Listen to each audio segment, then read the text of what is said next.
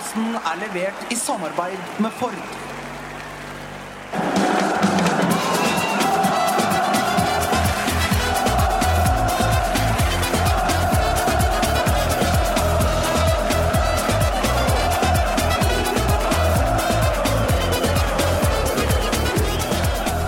Hjertelig velkommen til eh, førjulas siste Pyro og Pivo.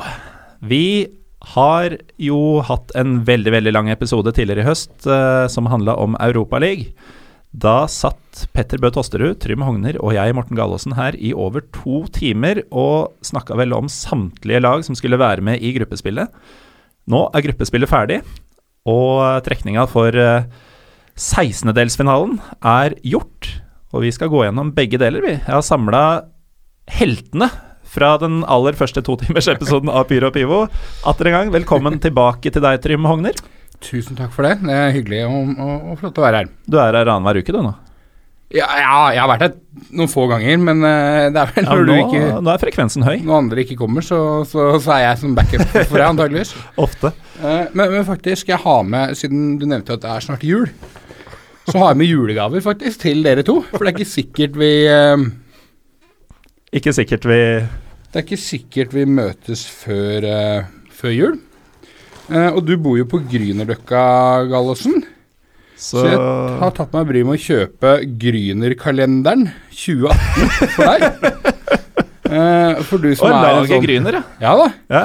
ja da, dette er fotballklubben Gryner. Fotball og hockey er det vel egentlig. Ja, så er det. Ja.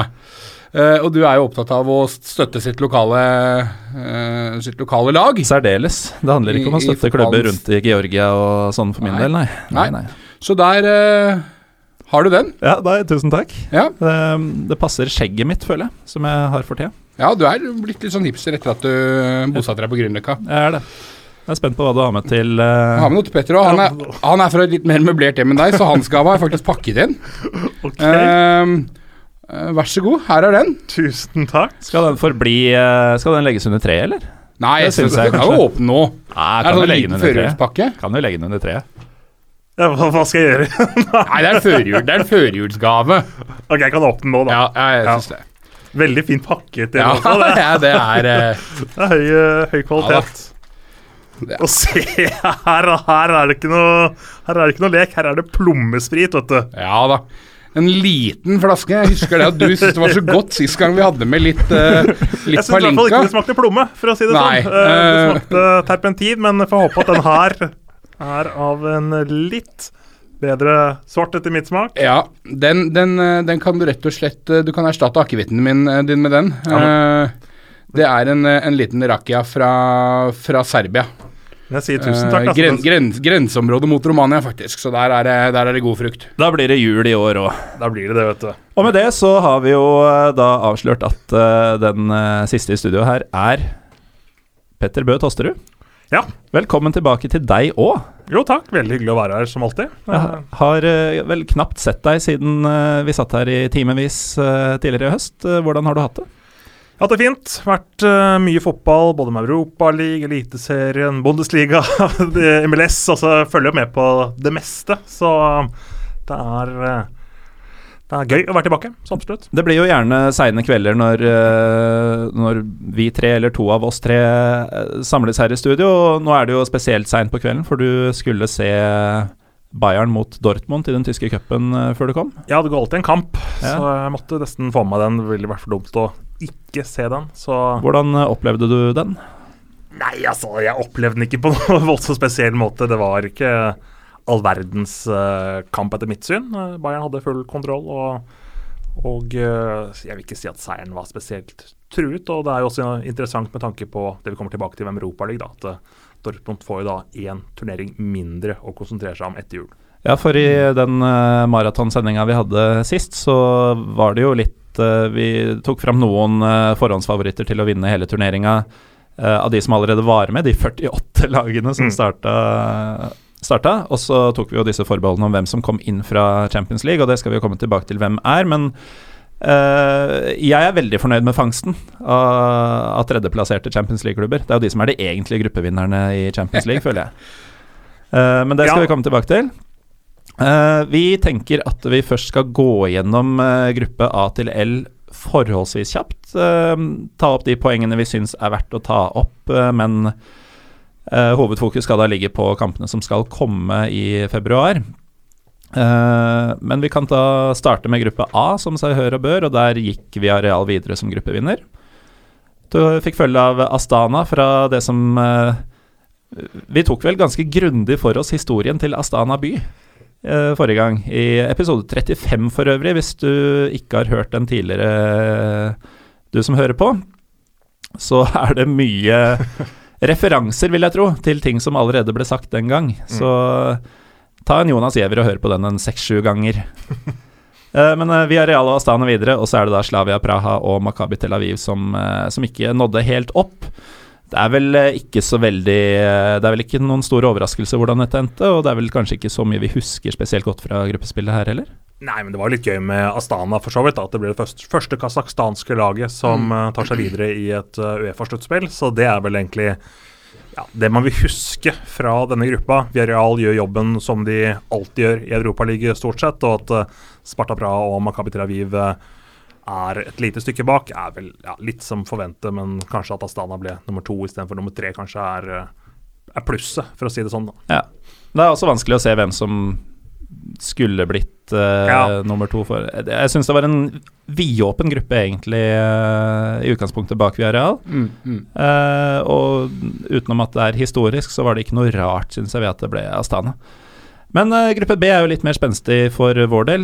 Dynamo Kiev vant. Eh, ikke noen overraskelse, det, men at eh, Partisan fra Beograd skulle bli nummer to foran Young Boys og Skenderbrev. Eh, kanskje ikke direkte overraskende det heller, men veldig gledelig for de som eh, er glad i holdt på å si, den gamle jugoslaviske fotballen. Og kanskje spesielt for deg, Trym, for du eh, var vel til stede da de sikra avansementet? Ja, jeg var det. Jeg var i Beograd og så Partisan mot uh, Young Boys. Um, Hva er Young Boys på serbisk? Det er Det er eh, Young Boys med jodder, altså. Ja. Ja. ja. Young Boys? Young Boys, ja. Mm. Eh, det er riktig. Nei, jeg var på den matchen. Det var eh, nest siste kampen i gruppespillet. hvor, hvor Partisan vinner matchen 2-1. eh, foran godt over 20 000 tilskuere, og som, som så ofte i Beograd, bra, bra kok på tribunen. En liten delegasjon fra Sveits også, som eh, selv om det ikke var så mange, beit bra fra seg på, eh, på tribunen. Så det var veldig eh, bra, bra, bra atmosfære. Hvor mange cirka? Hvor mange det kan være? Ja, noe sånt noe. 100-120 mann, kanskje, fra, som har tatt turen fra eh, Sveits. I gult og svart. Ja. Ja, lukter litt sånn Kanari-bortefølge, føler jeg. Eh, ja. Men nå vi har snakka nok om Lillestrøm tidligere. ja, det for aldri prata nok om, om eh, Lillestrøm, men uh, Altså uh, Du sier at det kanskje ikke er kjempeoverraskende. Jeg mener at, at det var veldig overraskende at Partisan gikk videre fra den gruppa. Partisan har ikke vært med på veldig mange år. Starter, jo, starter jo gruppa der med på en veldig sur måte, hjemme mot Dinamo Kiev. Får ikke lov til å spille, får ikke lov til å ha publikum på stadion. Noe som dessverre har skjedd altfor ofte for Partisan i både Europa og hjemligliga. Jeg har selv dratt til eh, Serbia tidligere for å se Partisan, hvor uh, tilskuerne har vært utestengt. Du har vært uh, på mange turer du hvor det ikke har blitt fotballkamp uh, du hadde Ja, planlagt. jo, men, ja, det er riktig. Men, Kiev er jo også i gruppa her. Ja, stemmer. Ja, jeg har for så vidt vært i Kiev uten å Ja, akkurat samme, egentlig. Det har vært årsaken til det noen gang. Nei, det tror jeg må være mange år siden i så fall. Eh, ja. Eh, men, men poenget, da. eh, Pa- Pa- Partisan spilte jo åpningsmatchen hjemme mot Dinamo Kiev. Uh, leder 2-0 til pause, null tilskuere, og ender opp med å tape 3-2. For Partisan-fans da, så føles det som at dette skal nok en gang bli en sånn derre eh, sesong der man ser ut som man kanskje kan gjøre et eller annet, og så gjør man det ikke allikevel. Eh, men så, eh, etter et par solide resultater og uavgjort borte i Sveits, mot et Young Boys som jo faktisk leder eh, sveitsiske ligaen, eh, så går de da videre eh, ved, ved å vinne 2-1 i den matchen som jeg da var på. Eh, da er det Tawamba og Segovic som putter målene for dem på eh, keeperen til Young Boys. Dette er kanskje en digresjon, men jeg må bare nevne navnet hans, for det er så sånn det er liksom flåklippa, liksom blodstrupemål. altså, uh, keeperen til Young Boys heter David von Balmos. det er et utrolig bra navn. Ja, den er sterk. Den er Ja, sterk. så, men han Von eh, Balmos. Von Balmos. Ja, Det er fin, den. ja den er, det, det er et bra navn. Uh, men ikke bra nok til å stoppe mektige Partisan fra Beograd eh, fra å avansere. Men det er jo interessant det du sier om at de har vært såpass sterke på bortebane. da. De har tapt én av sine siste åtte på bortebane, og den siste var jo da mot Kiev. Da Mm. var det allerede videre. Ja, Og da var begge be- lagene videre, og den var på Så at de begynner å bygge opp en slik eh, bortestreak, da, det Mm. kan jo være spennende å ta med seg videre. Og Sist du var med, Trym, så det er vel bare to uker siden, hvis jeg ikke tar helt feil. Da snakka vi om VM, og vi snakka om den generelle, det generelle oppsvinget i serbisk fotball. Nå har vi Serbia til VM, Partisan videre, og litt senere skal vi også snakke om at eh, Røde Stjerne gikk videre. Så det, det er i ferd med å skje ting i eh, serbisk fotball. I hvert fall skal vi tro trenden fra i høst for klubblagene og siste halvannet året for eh, landslaget. Men uh, vi var jo også spente på forhånd på møtene mellom uh, albanske Skenderbev og serbiske Partisan. Er det noe eh, å melde fra disse oppgjørene? Ble det så friskt som vi håper Nei, å si, på? nei det, har vel, det har vel ikke vært uh, tilskuere fra de ulike på Altså bortetilskuere. Nei, det var vi klar over. Ja. Det, Så, så det har gått uh, greit for seg, det. Men man kan jo skyte inn at det er imponerende av et lag fra Albania å ta fem poeng i Europaligaen. Uh, de møter jo tre relativt godt etablerte lag, så all ære til Skenderbeu som tar uh, riktignok fjerdeplass i gruppa, men, men tar med seg fem poeng. Det er eh, respektabelt. ja, det endte jo bare tre poeng bak eh, Partisan, som tross alt gikk videre. Så Ja, de var ikke i nærheten av Partisan. Nei, nei. Nei, nei, Men, det var det eh, ikke. Men, men det var, det var, de, de prøvde i hvert fall. Men forskjellen er fem og åtte poeng da, Ja da. på, på å gå videre og bli sist. Så det er jo en, eh, en jevn gruppe hvor det ikke ble noen eh, kasteball. Eh, I gruppe C, det var jo eh, plastikkgruppa som vi calla, med fæle Ludogorets, fæle Bashakshir og fæle Hoffenheim, i tillegg til mer eller mindre anonyme halvfæle, mente du, Trym eh, Braga? Ja, jeg mener Braga er fælt. Ja. Uh, så da gikk altså fæle Braga og fæle Ludogorets videre på bekostning av uh, Bashakshir som var nære, og Hoffenheim, som ikke var i nærheten. Det må vel være en voldsom skuffelse, Petter? Jeg er faktisk litt overrasket over at Hoffenheim ble så dårlig i Europaligaen. Ja. Uh, hadde jo disse kampene mot Liverpool i, eh, i kvaliken. Falt for så vidt litt igjennom der, men hadde likevel troa på at uh, i Europaligaen så skulle de klare å hevde seg og faktisk vinne denne gruppa, tenkte jeg. Altså konkurrere mot, uh, mot Braga, men én seier på seks kamper, og de har jo egentlig ikke Jeg har ikke sett alle kampene veldig nøye. da Når jeg jobber med Europaligaen, så ser jeg jo mange kamper samtidig. Men jeg har inntrykk av at de har ikke spilt spesielt godt heller da i de kampene. Så det har liksom ikke vært noe bittert sånn sett at de ikke har kommet seg videre. Så for meg er det faktisk en av eh, sku de største skuffelsene i eh, mesterskapet til nå. Det er også et lag som har hatt veldig lyst til å spille Europaligaen. Det er en trener som har eh, en ambisjon om å vise seg fram på en europeisk scene. liksom Han tenkte kanskje at eh, denne mm, sesongen i Bundesliga han hadde i fjor, var kanskje et blaff. Mm. Ja, nå skulle han motbevise, og så, så klarer han ikke det. Så jeg syns det er utrolig skuffende at ikke Hoffenheim klarer å hevde seg bedre. Det er jo det, som du sier, det er jo en gruppe de både kunne og nesten burde vunnet. Det er jo Mm. ikke noe fryktinngytende, dette her. Uh, Bashakshehir, eh, nykommer på den tyrkiske toppscenen, kan du si. Eh, ingen eh, europeisk erfaring å slå i bord med. Lugoret selvfølgelig en ringrev som, eh, som kasteball i diverse Champions League-runder. Har jo en viss erfaring, i det minste, og så har du Braga som, som er noenlunde ok. Men det er Mm. ingen her som skal være merkbart bedre enn Hoffenheim i utgangspunktet. Nei, på ingen som helst måte. Så jeg, jeg skjønner lite av dette her. Ja. Um, det jeg husker best fra den gruppa, er kanskje Husker jeg ikke hvilken kamp det var. Det er mulig det var mot Hoffenheim, faktisk. Men eh, gode, gamle Emre, eh, som må være nærmere 60 nå, satte jo et nydelig frispark i en av de første matchene for uh, Bashakshir. Heldigvis for meg som ikke liker dem, så fikk det ikke noe å si i det store bildet. Men eh, Skåra vel i siste kampen om ikke husker helt feil. Mm. De gamle er fortsatt gamle.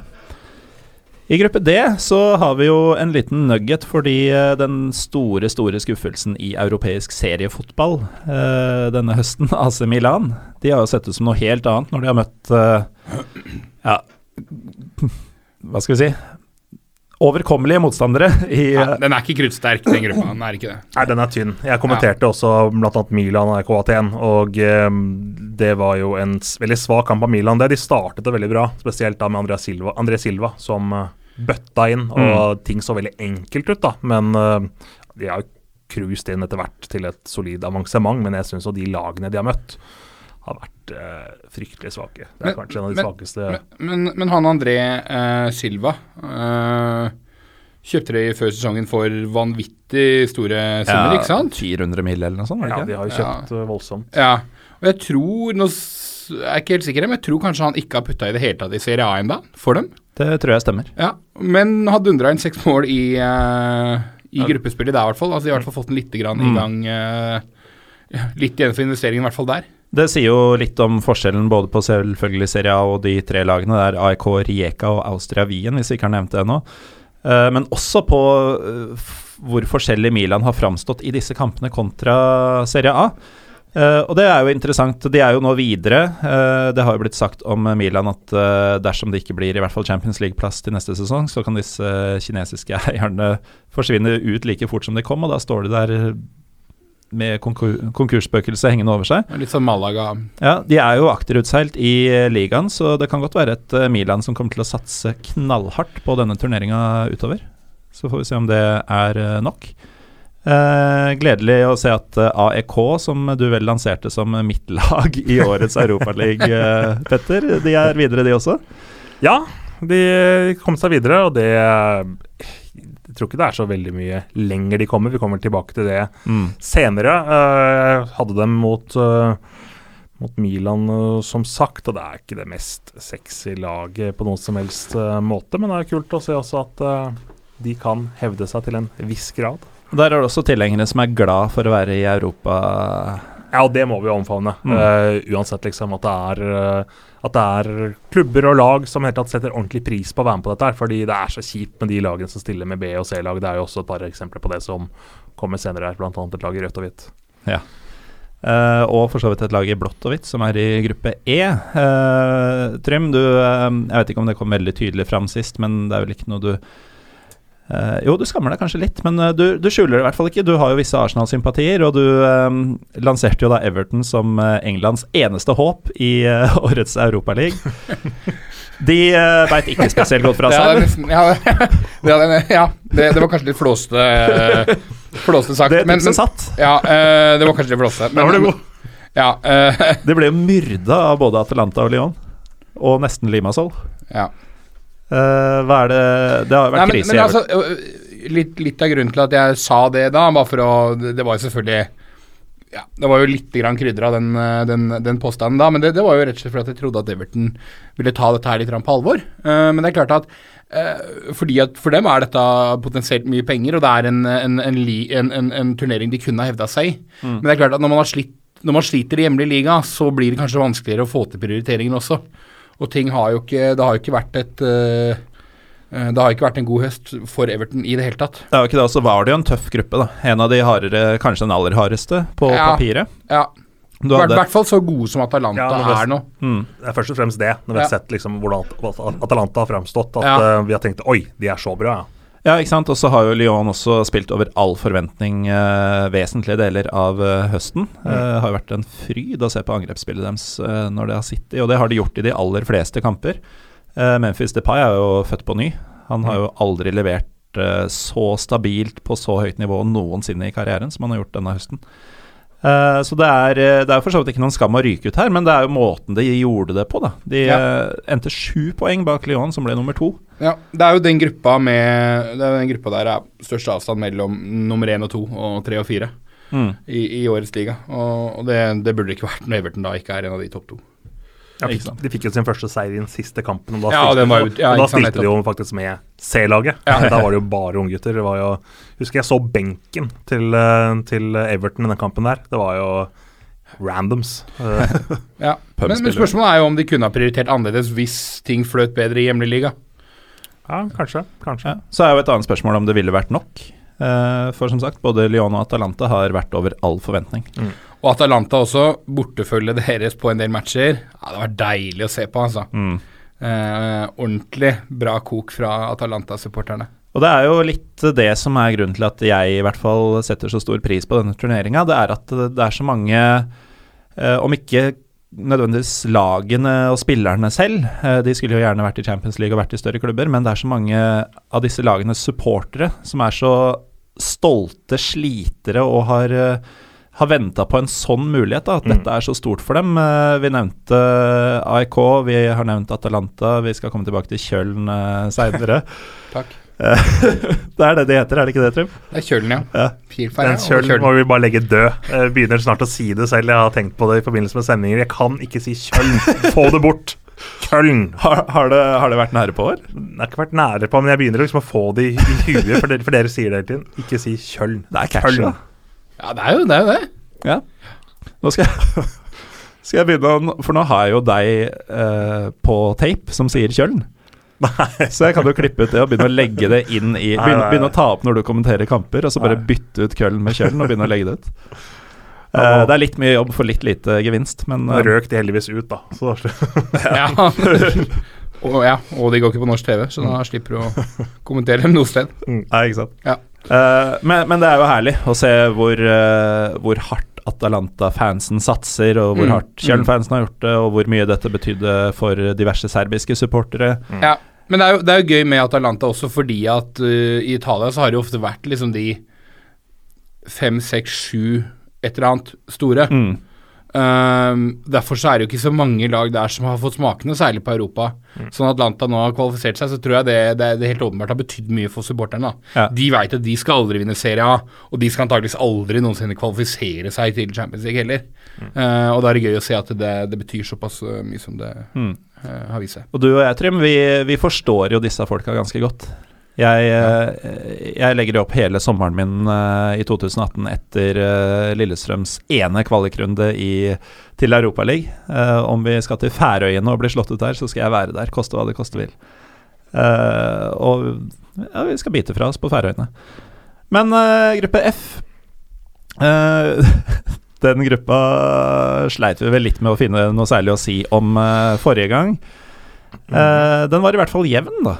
Mellom Lokomotiv Moskva, København og Sheriff. Og så ble stakkars uh, Fastavs Lind uh, superjumbo med sine to poeng. Ja. Kjøben sikra avansementet i siste match, vel? Ja, ja siste kamp. Mm. Og der uh, så jeg, så jeg alle lagene flere ganger i aksjon, for jeg kommenterte FCK bl.a. Uh, tre kamper, vel. Uh, og der må jeg si at jeg ble veldig imponert over Lokomotiv Moskva.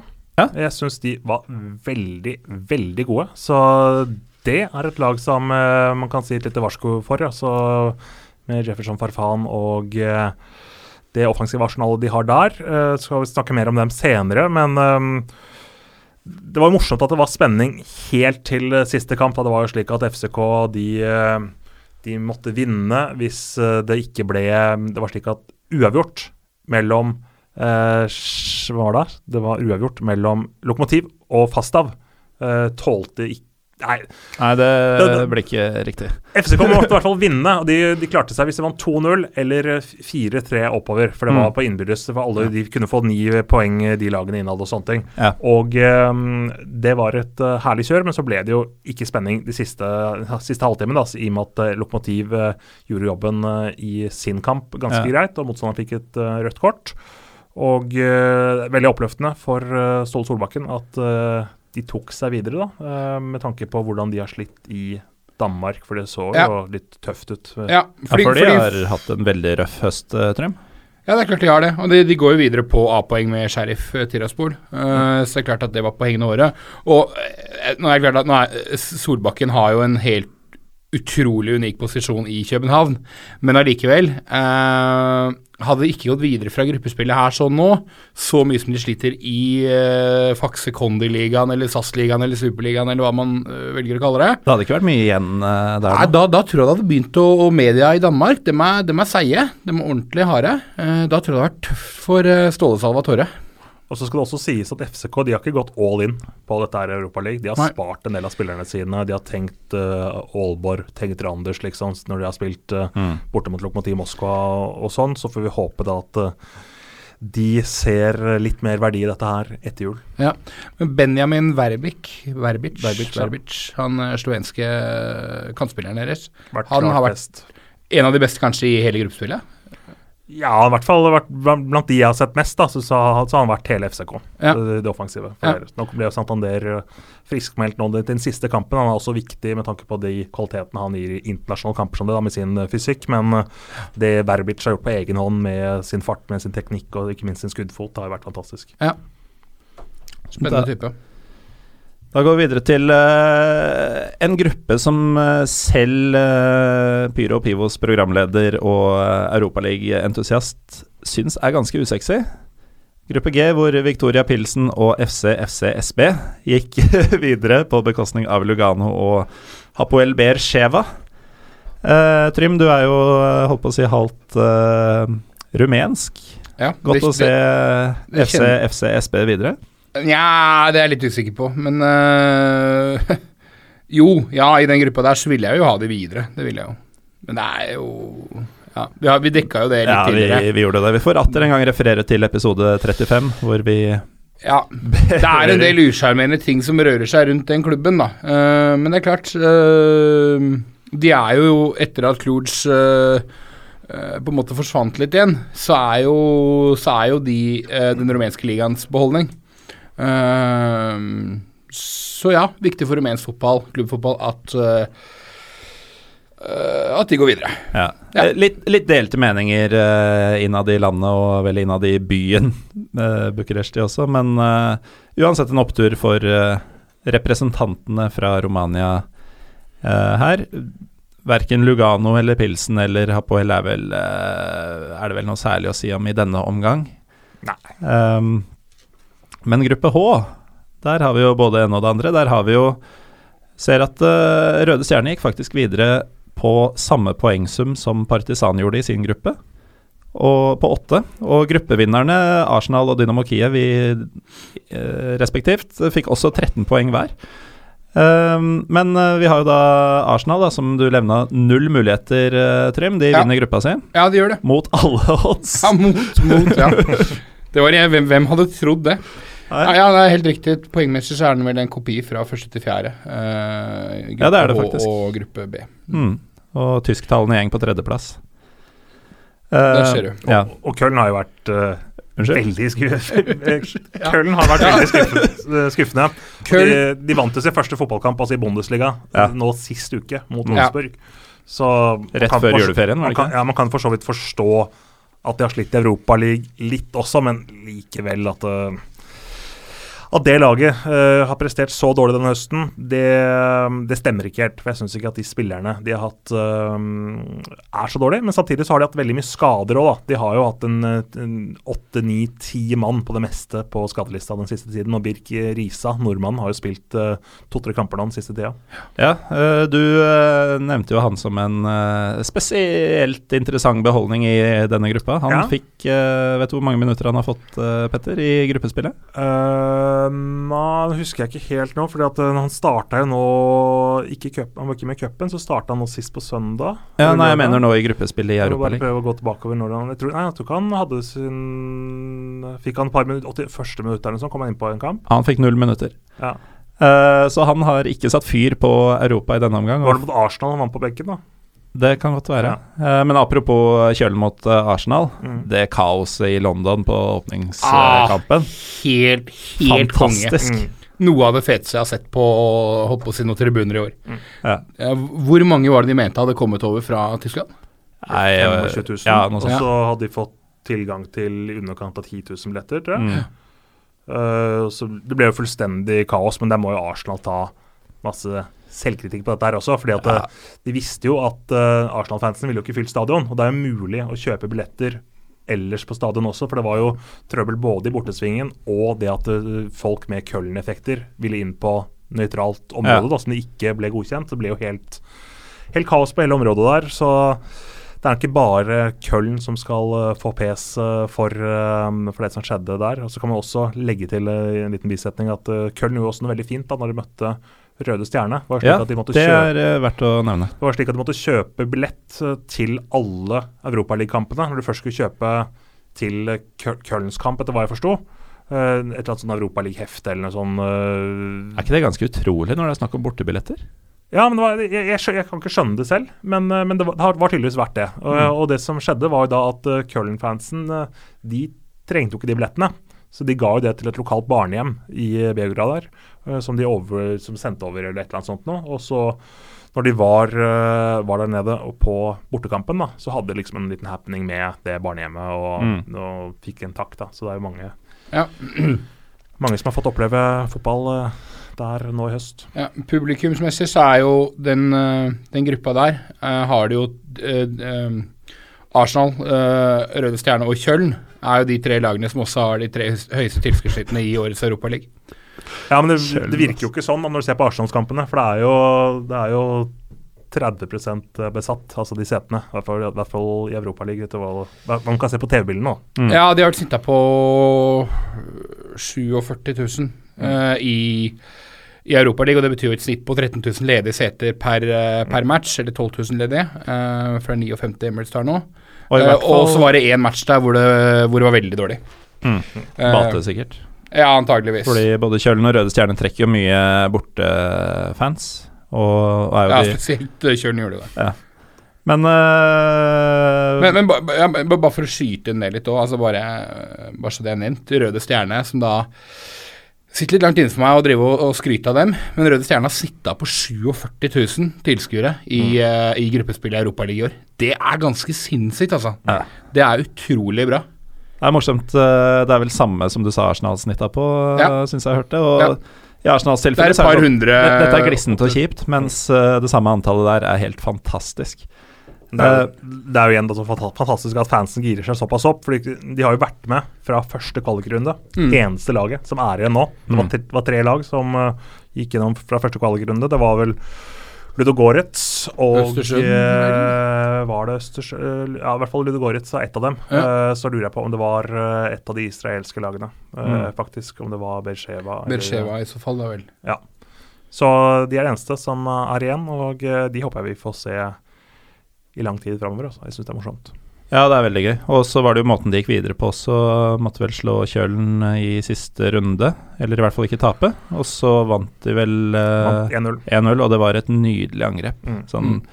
ikke, et, øh, ikke et dårlig lag som kelker inn en dødball eller noe sånt, men Ja. virkelig utspilte Jeg Kjølen. husker målet. Skikkelig. Bundesliga-lag i Kjølen. Pasning Ja. ut mot venstre, innløp inn i boksen, Ja. 45 langs bakken, bang i mål. Ja, det var flott.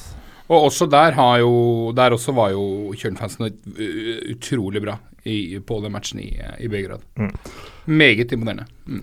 Lurer på om øh, noen dedikerte lyttere sitter med en sånn der øh, tellebrikke og prøver å få med seg hvor mange ganger vi sier Kjølen i løpet av sendinga. Det begynner å bli en del.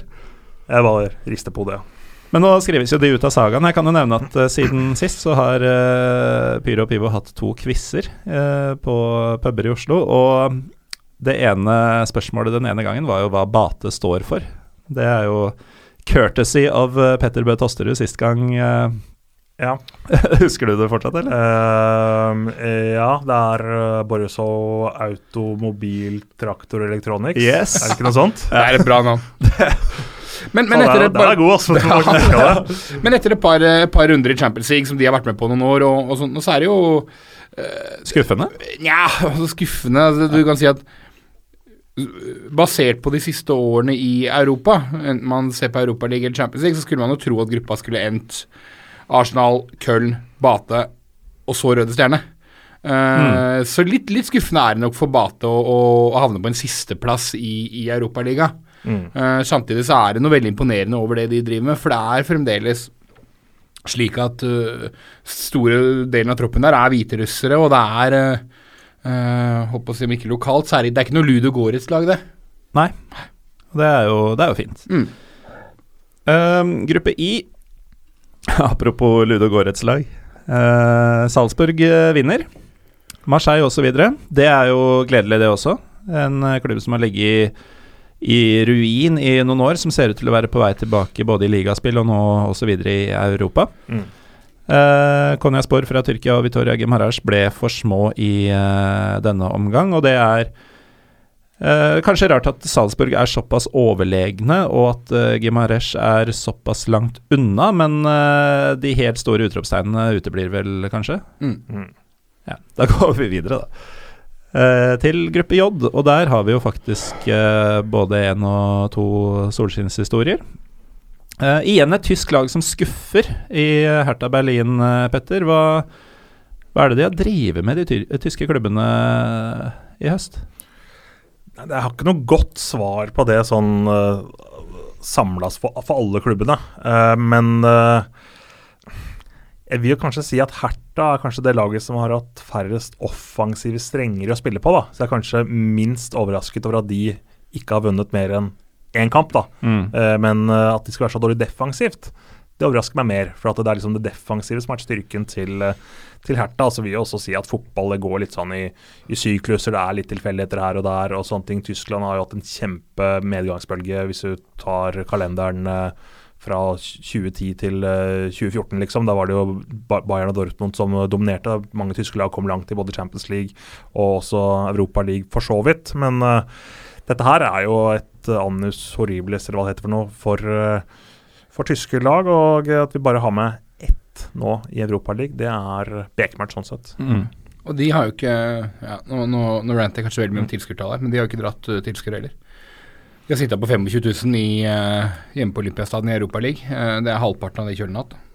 Ja, ikke sant. Og da kan du tenke deg at uh, da de møtte Atletic, så kom det sikkert uh, 40, og så har det vært 5 til 10 på de to andre. Ja, for det skal jo sies at det er ikke noe voldsomt bortefølge på de kampene. Og så er det jo kanskje litt sånn dessverre for Hertha at eh, i hovedstaden skjer det mye fra før, og eh, det er ikke Altså, Hertha har jo på en måte ja, selvfølgelig De har bra stemning og alt det der, men jeg syns liksom ikke det, det er ikke det samme som mange andre tyske lag. Altså, det er jo, de er jo en miniputt sammenlignet med Köln, hvis du ser på supporterkultur og sånn, etter, etter mitt syn. Men, men, men nok en gang så må man jo da liksom øh, Det er jo det spørsmålet som har vært reist en del ganger rundt den klubben. Burde de egentlig hatt en annen stadion?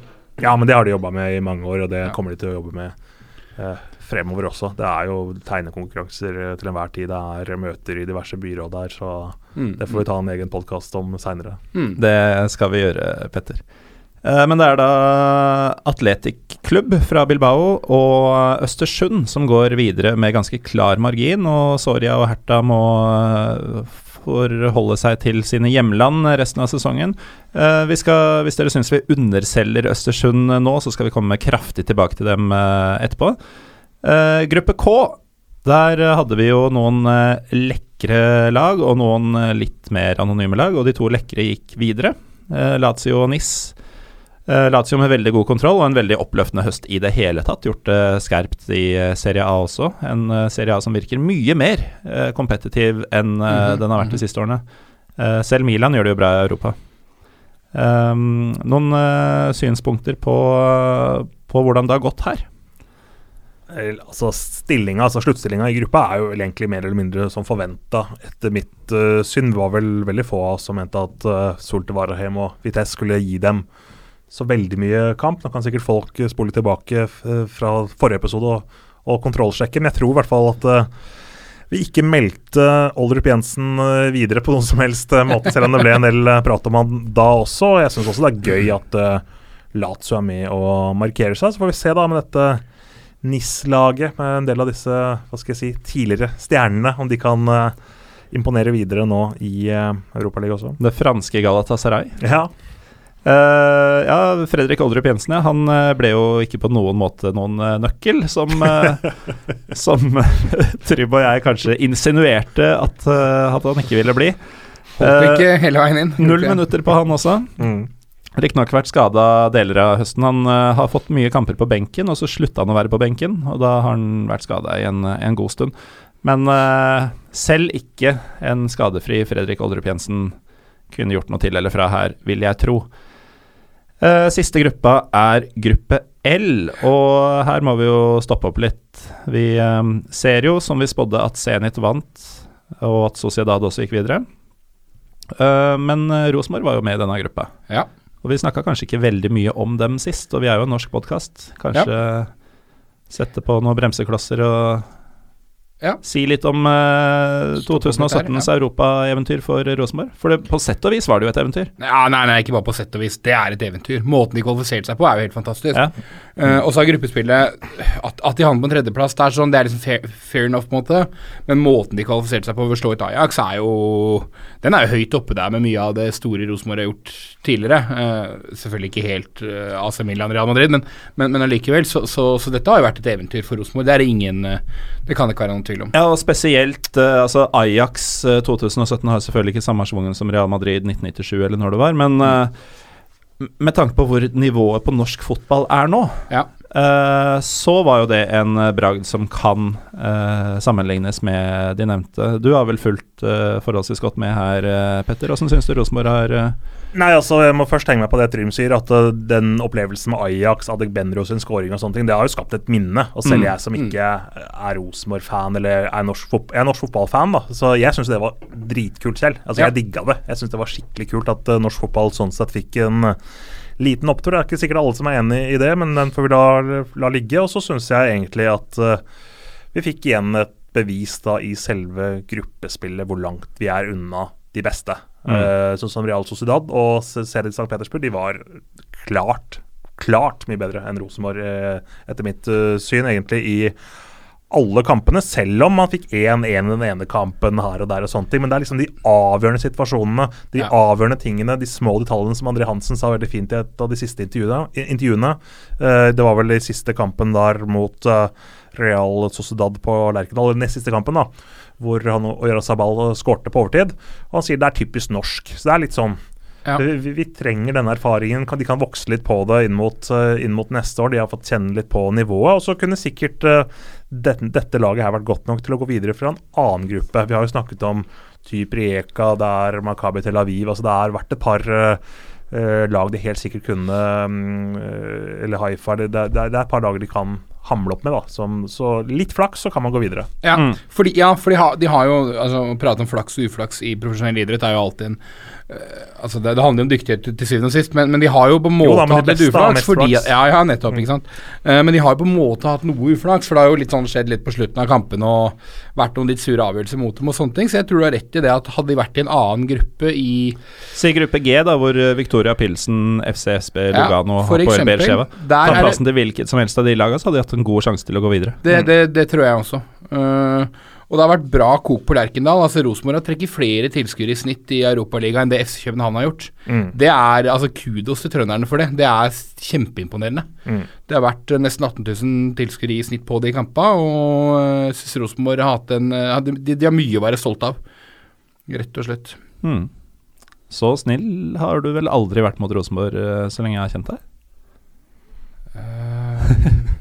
Nei, Nei. altså Nei, altså Det er noe med å få den mikrofonen opp i fjeset og Ja, ros til den som eh, Hva heter Hva er uttrykket? æres den som æres bør. Ja, noe med det. Og så er det jo en annen ting òg, da. Uh, dette her, det at, det at Rosenborg gjør bra Nå går det ikke videre, da, men det er jo noe med at det kan hjelpe Lillestrøm faktisk også neste år.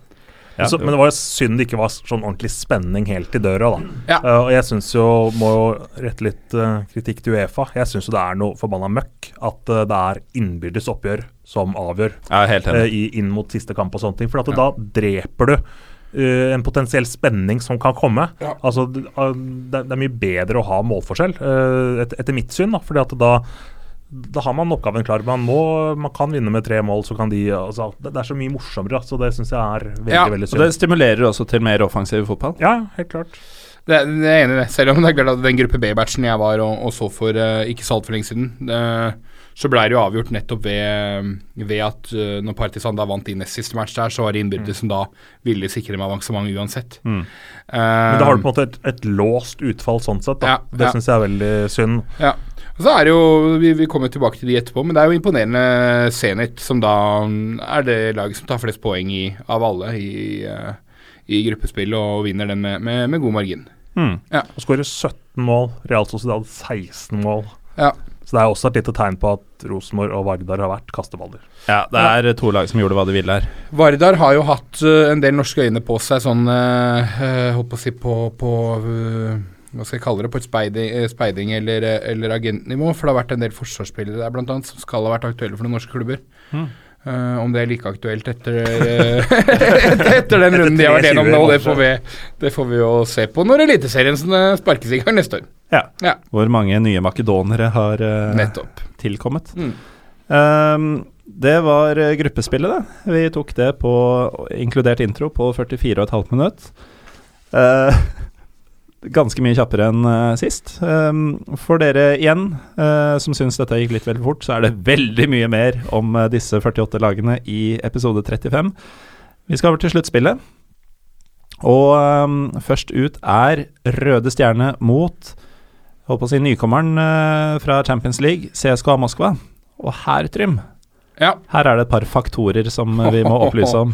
Nå, nå begynte, du begynner jo nesten med den feteste matchen, vet du. Ja. Når, du når, når det er den første du, du nevner. Og hvis du hører Pyro Pivo for første gang Vi mener det når vi sier at Røde Stjerne CSKA Moskva er den Ja, ja, det var ikke noe snev av ironi der. Nei, det er ikke. Ja, ja. Mm, ja. Skal jeg ta en kjapp uh, greie på Ja, det, eller? Ja, hva, altså- hva er greia her? Ok, greia er jo uh, Med Røde Stjerne og Partisan så er det jo slik at de to klubbene, disse to evige fiendene, har noen, noen gode venner i uh, andre land. Partisan sin gode venn er da CSKA Moskva. Det der ligger veldig langt tilbake i tid. Både CSKA og Partisan er egentlig hærens klubber fra gammelkommunistisk av. Og allerede i første året eh, Partisan eh, ble stifta, i 1945 eh, Sånn ref kommunisme og etter at andre ting var eh, avgjort. Eh, allerede første året så møttes Partisan og CSKA eh, til en match. Så det er noe som har ligget veldig, veldig lenge. Og så har det blitt forsterka innmari av noen supporterbånd. Eh, Serbia har jo et eh, godt forhold generelt sett til Russland. Jeg husker da, jeg, da vi var i Serbia sammen, så la jeg merke til at det var eh, Selvfølgelig ikke like mye, men det var store mengder eh, CSK Nei, jo, CSKA-graffiti ved stadionet til Partisan. Det er helt riktig. Og eh, ja, altså mye mer enn man kanskje forestiller seg. Så dette er dype, dype røtter, som du sier. Ehm, men uh, Røde Stjerne, har de noen venner i uh... Ja, det er nettopp det de har. For deres gode venn er jo da Spartak Moskva, som jo er CSKA Moskva, eller Tsjeska Moskva, sin, eh, sin, sin største fiende. Uh, så dette her blir et utrolig hett oppgjør. begge steder? Ja, begge steder. Og, og øh, for i- når Partisan har vært og spilt bortematch f.eks. i fjor når de møtte Bate i kvalik, så reiste det en haug med Sjeska Moskva-fans til Hviterussland for å støtte Partisan. Mm. Ehm, I fjor uh, basketballmatch, uh, for dette er jo også klubber som spiller basketball, ikke sant? Uh, Riktignok da på en landslagskamp. Uh, Serbia spiller landslagsmatch. Uh, kapteinen til, til Serbia da, Teodosic, blir angrepet av Røde Stjerne sine fans fordi han tidligere har uttalt at han er Røde Stjerne-fan, men spiller, for, spiller basketball for Tsjeska Moskva. uh, så da, da fikk rett og slett uh, Fikk han uh, noen flasker i hodet og fikk litt, litt ordentlig juling. Så det der, er- det der er hett. Men er det derfor kampen er flytta eller? Ja, det er riktig. Eller ja, det, nei, den er flytta, den er flytta fordi at Røde Stjerne og Partisan kan ikke spille hjemme samtidig. For de skal spille på tirsdag klokka seks. Ja, de spiller den 13., vel, ikke den Mm. 15. Eh, møtes eh, Røde Stjerne og Tsjeska på en måte eh, tidlig kickoff på uh, sluttspillet. Og det er jo helt nydelig, Mm. fordi da trenger du ikke å prioritere vekk noen andre kamper for å få med deg denne, og det må du jo gjøre. Ja, men, men altså, hvis det sitter noen luringer og hører på dette her sånn, Ja. uh, og det håper jeg jo at det er noen som gjør, Det er noen. altså, se på den muligheten for å reise til Beograd, en av Europas kuleste byer. Den uka det er sånn, så kan du da først se eh, eh, ta imot Røde Stjernen eh, på tirsdagen. Og så på torsdagen så tar Partisan da imot eh, eh, Victoria Pilsen. Ja. Det, det kan være en morsom uke. Og så sper du på med litt Rad Beograd og litt annet sånne godsaker imellom der, så kan det bli en utrolig fet fotballtur. Den, eh, den lukter eh, Det virker som vi må snakke litt sammen etter sending, eh, Trym. Utfordringen er at vi er jo i Romania den samme uken. Ja, vi drar dit på torsdag, men vi kunne sveipa innom tirsdagsmatchen. Ja. Men stort, stort høydepunkt som, som stikker seg ut for i hvert fall de tribuneinteresserte. Ja. Fotballen blir vel ikke den råeste nødvendigvis, men uh, som vi nevnte angående den matchen hvor Røde Stjerne sikra avansementet sitt, så er de også i stand til å trille litt ball på beste Balkanvis på en god dag. Uh, CSKA beit jo forholdsvis godt fra seg i gruppa i Champions League også. Mm. uh, var vel først i siste runde at, de, at det ble formelt klart. Eh, neste match på programmet er eh, Astana mot Sporting. Og det jeg eh, henter ut fra dette, er eh, langt, langt vest mot langt, langt øst. Det er vel omtrent den lengste reisa du kan få i eh, europeisk fotball denne sesongen. ja, definitivt. Ja, du, du spurte jo faktisk om det. Er det så langt man kan reise? Så jeg bare slår inn på Google, jeg. Det er 7000 km mellom Astana og Lisboa. Mm. så det er en 70 timers kjøretur for de som skal på bortematch. Ja, og de kommer jo til å velge kjøretur. Ja, alternativt så ifølge Google så kan man altså gå. Det tar i underkant av to måneder, og det betyr at uh, for uh, eventuelle sportingfans som har lyst til å gå på den kampen, så må de begynne å gå omtrent nå. Ja. Så er de framme i tide. Det er så langt at du nesten kan fly andre vei. ja, ja. ja den er, det, det, er, det, er en, det er en seig avstand, det er det. Ja. Eh, fotballmessig så bør vel Sporting være Jeg syns Sporting var ganske fine i Champions League. Var offeret for en svært tøff gruppe med Barcelona og Juventus, men uh, viste i hvert fall i kampene mot eh, Olympiakos, som jeg anser som et bedre lag enn Astana, uten å kjenne sistnevnte spesielt godt. Nei. Eh, så ser jeg på Sporting som en ganske klar favoritt her. Eh, ikke noe historisk rivaleri eller noe spesielt annet som jeg kan komme på. Men portugisiske lag har jo i det hele tatt en sterk historie i Europaligaen, så Sporting kan jo bli et, sånn sett et lag å, å regne med. For det betyr jo selvfølgelig mye for portugiserne med tanke på klubbøkonomien, som ikke er så sterk der som i, i ja, Tyskland, England, Spania. mm, Definitivt. Og så føles det litt som at uh, Astana har på en måte oppnådd det det de kan. Det, ja, det de kan. De vant, øh, for de som ikke er så inn i det, så kasakhstanske ligaen spilles sånn som den norske.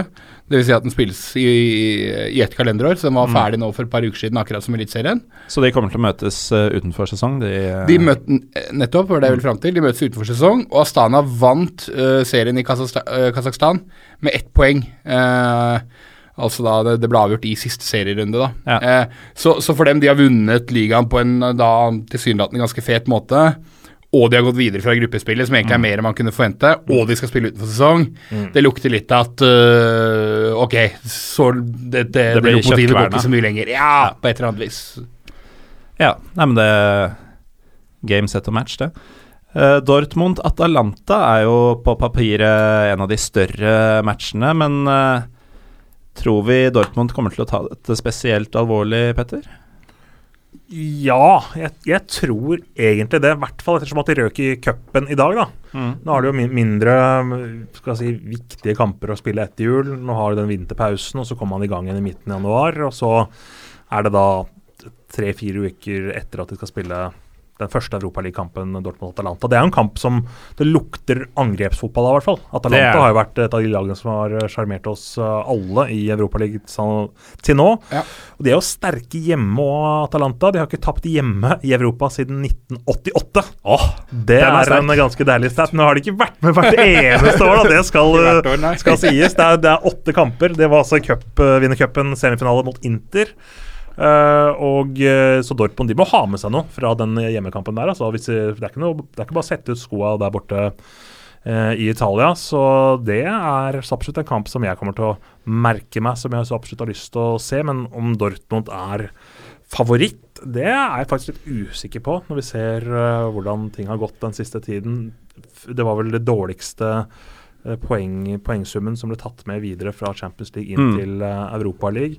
Uh, sleit jo mot uh, Apoel, og de har jo slitt i Bundesliga. Fått ny trener nå, Peter Støger, men det, han har vært der kort tid. Da. Det ser ikke ut som at uh, det er noe quick fix, det Dortmund-laget, men plutselig så får de Marco Royce på farten igjen, da, som kommer tilbake etter jul, som skal spille seg i VM-form. Så har plutselig en ny superstjerne da, som er eh, veldig god. Uh, så den er litt sånn um, åpen. Det, det spørs litt Ja. hva som skjer med Dortmund uh, de ukene inn mot den kampen her, da. Ja, det er veldig mye som kan endre seg for deres del. Eh, Støger starta jo for så vidt også med to seire før han røk i cupen, og er jo Men, men likevel så, så ser det ikke ut som at han har løst noe problem. Nei, men uh, dette er jo to måneder fram i tid, Ja. og han er jo en uh, Han er jo ganske mye mer taktisk skolert enn det Peter Boss var, det må være lov å si. Men han er veldig Så- annerledes sammenlignet med de, de som har trent Dortmund før. Mm. For at uh, Suksessen til Støger i Köln, da han tok dem over da de, da de lå i Sveit- eh, Bundesliga, var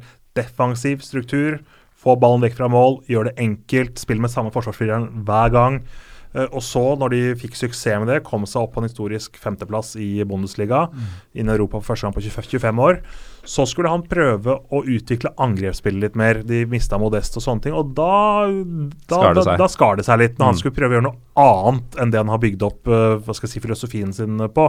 Han er ikke Arne Erlandsen, men han har litt av samme uh, grunntanken da, om at eh, struktur, defensiv tankegang er det viktigste. Men i Dortmund har ikke det vært en eh, Det har ikke vært på tavla de siste ti årene i klubben, Mm. med Tuchel og Klopp som skal spille offensiv fotball og underholde.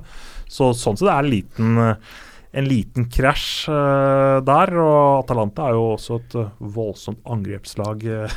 Det blir veldig gøy. Det blir kule kamper. Det blir kule kamper, og det blir jo heller ikke noe walkover for den gule veggen, for å si det pent. Nei, og det er jo også kult at de får litt uh, motstand sånn, selv om de gjør det ofte i, i Bundesliga. Skal jo sies at det er store bortefølger som kommer til, til de kampene der, men det er kult.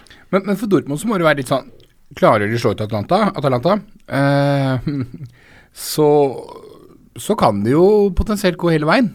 Ja. Og da begynner det å bety en del, for da, da begynner man å snakke litt økonomi for en klubb som Dortmund også.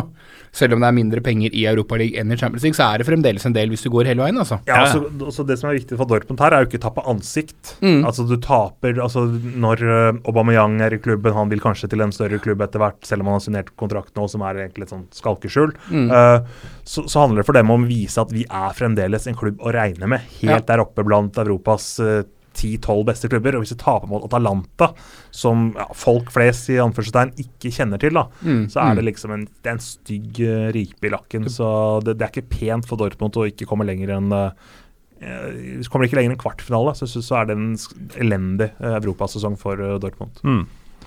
Uh, videre så har vi Marseille-Braga. Marseille hadde jo Vitoria Gemaresh i gruppa si, og skal nå tilbake til uh, mer eller mindre samme by. Eh, jeg tenker at Marseille gjør omtrent like kort prosess eh, med Braga som de gjorde med Gemaresh. Noe sterkere motstander, men eh, jeg har veldig trua på det Marseille-prosjektet her.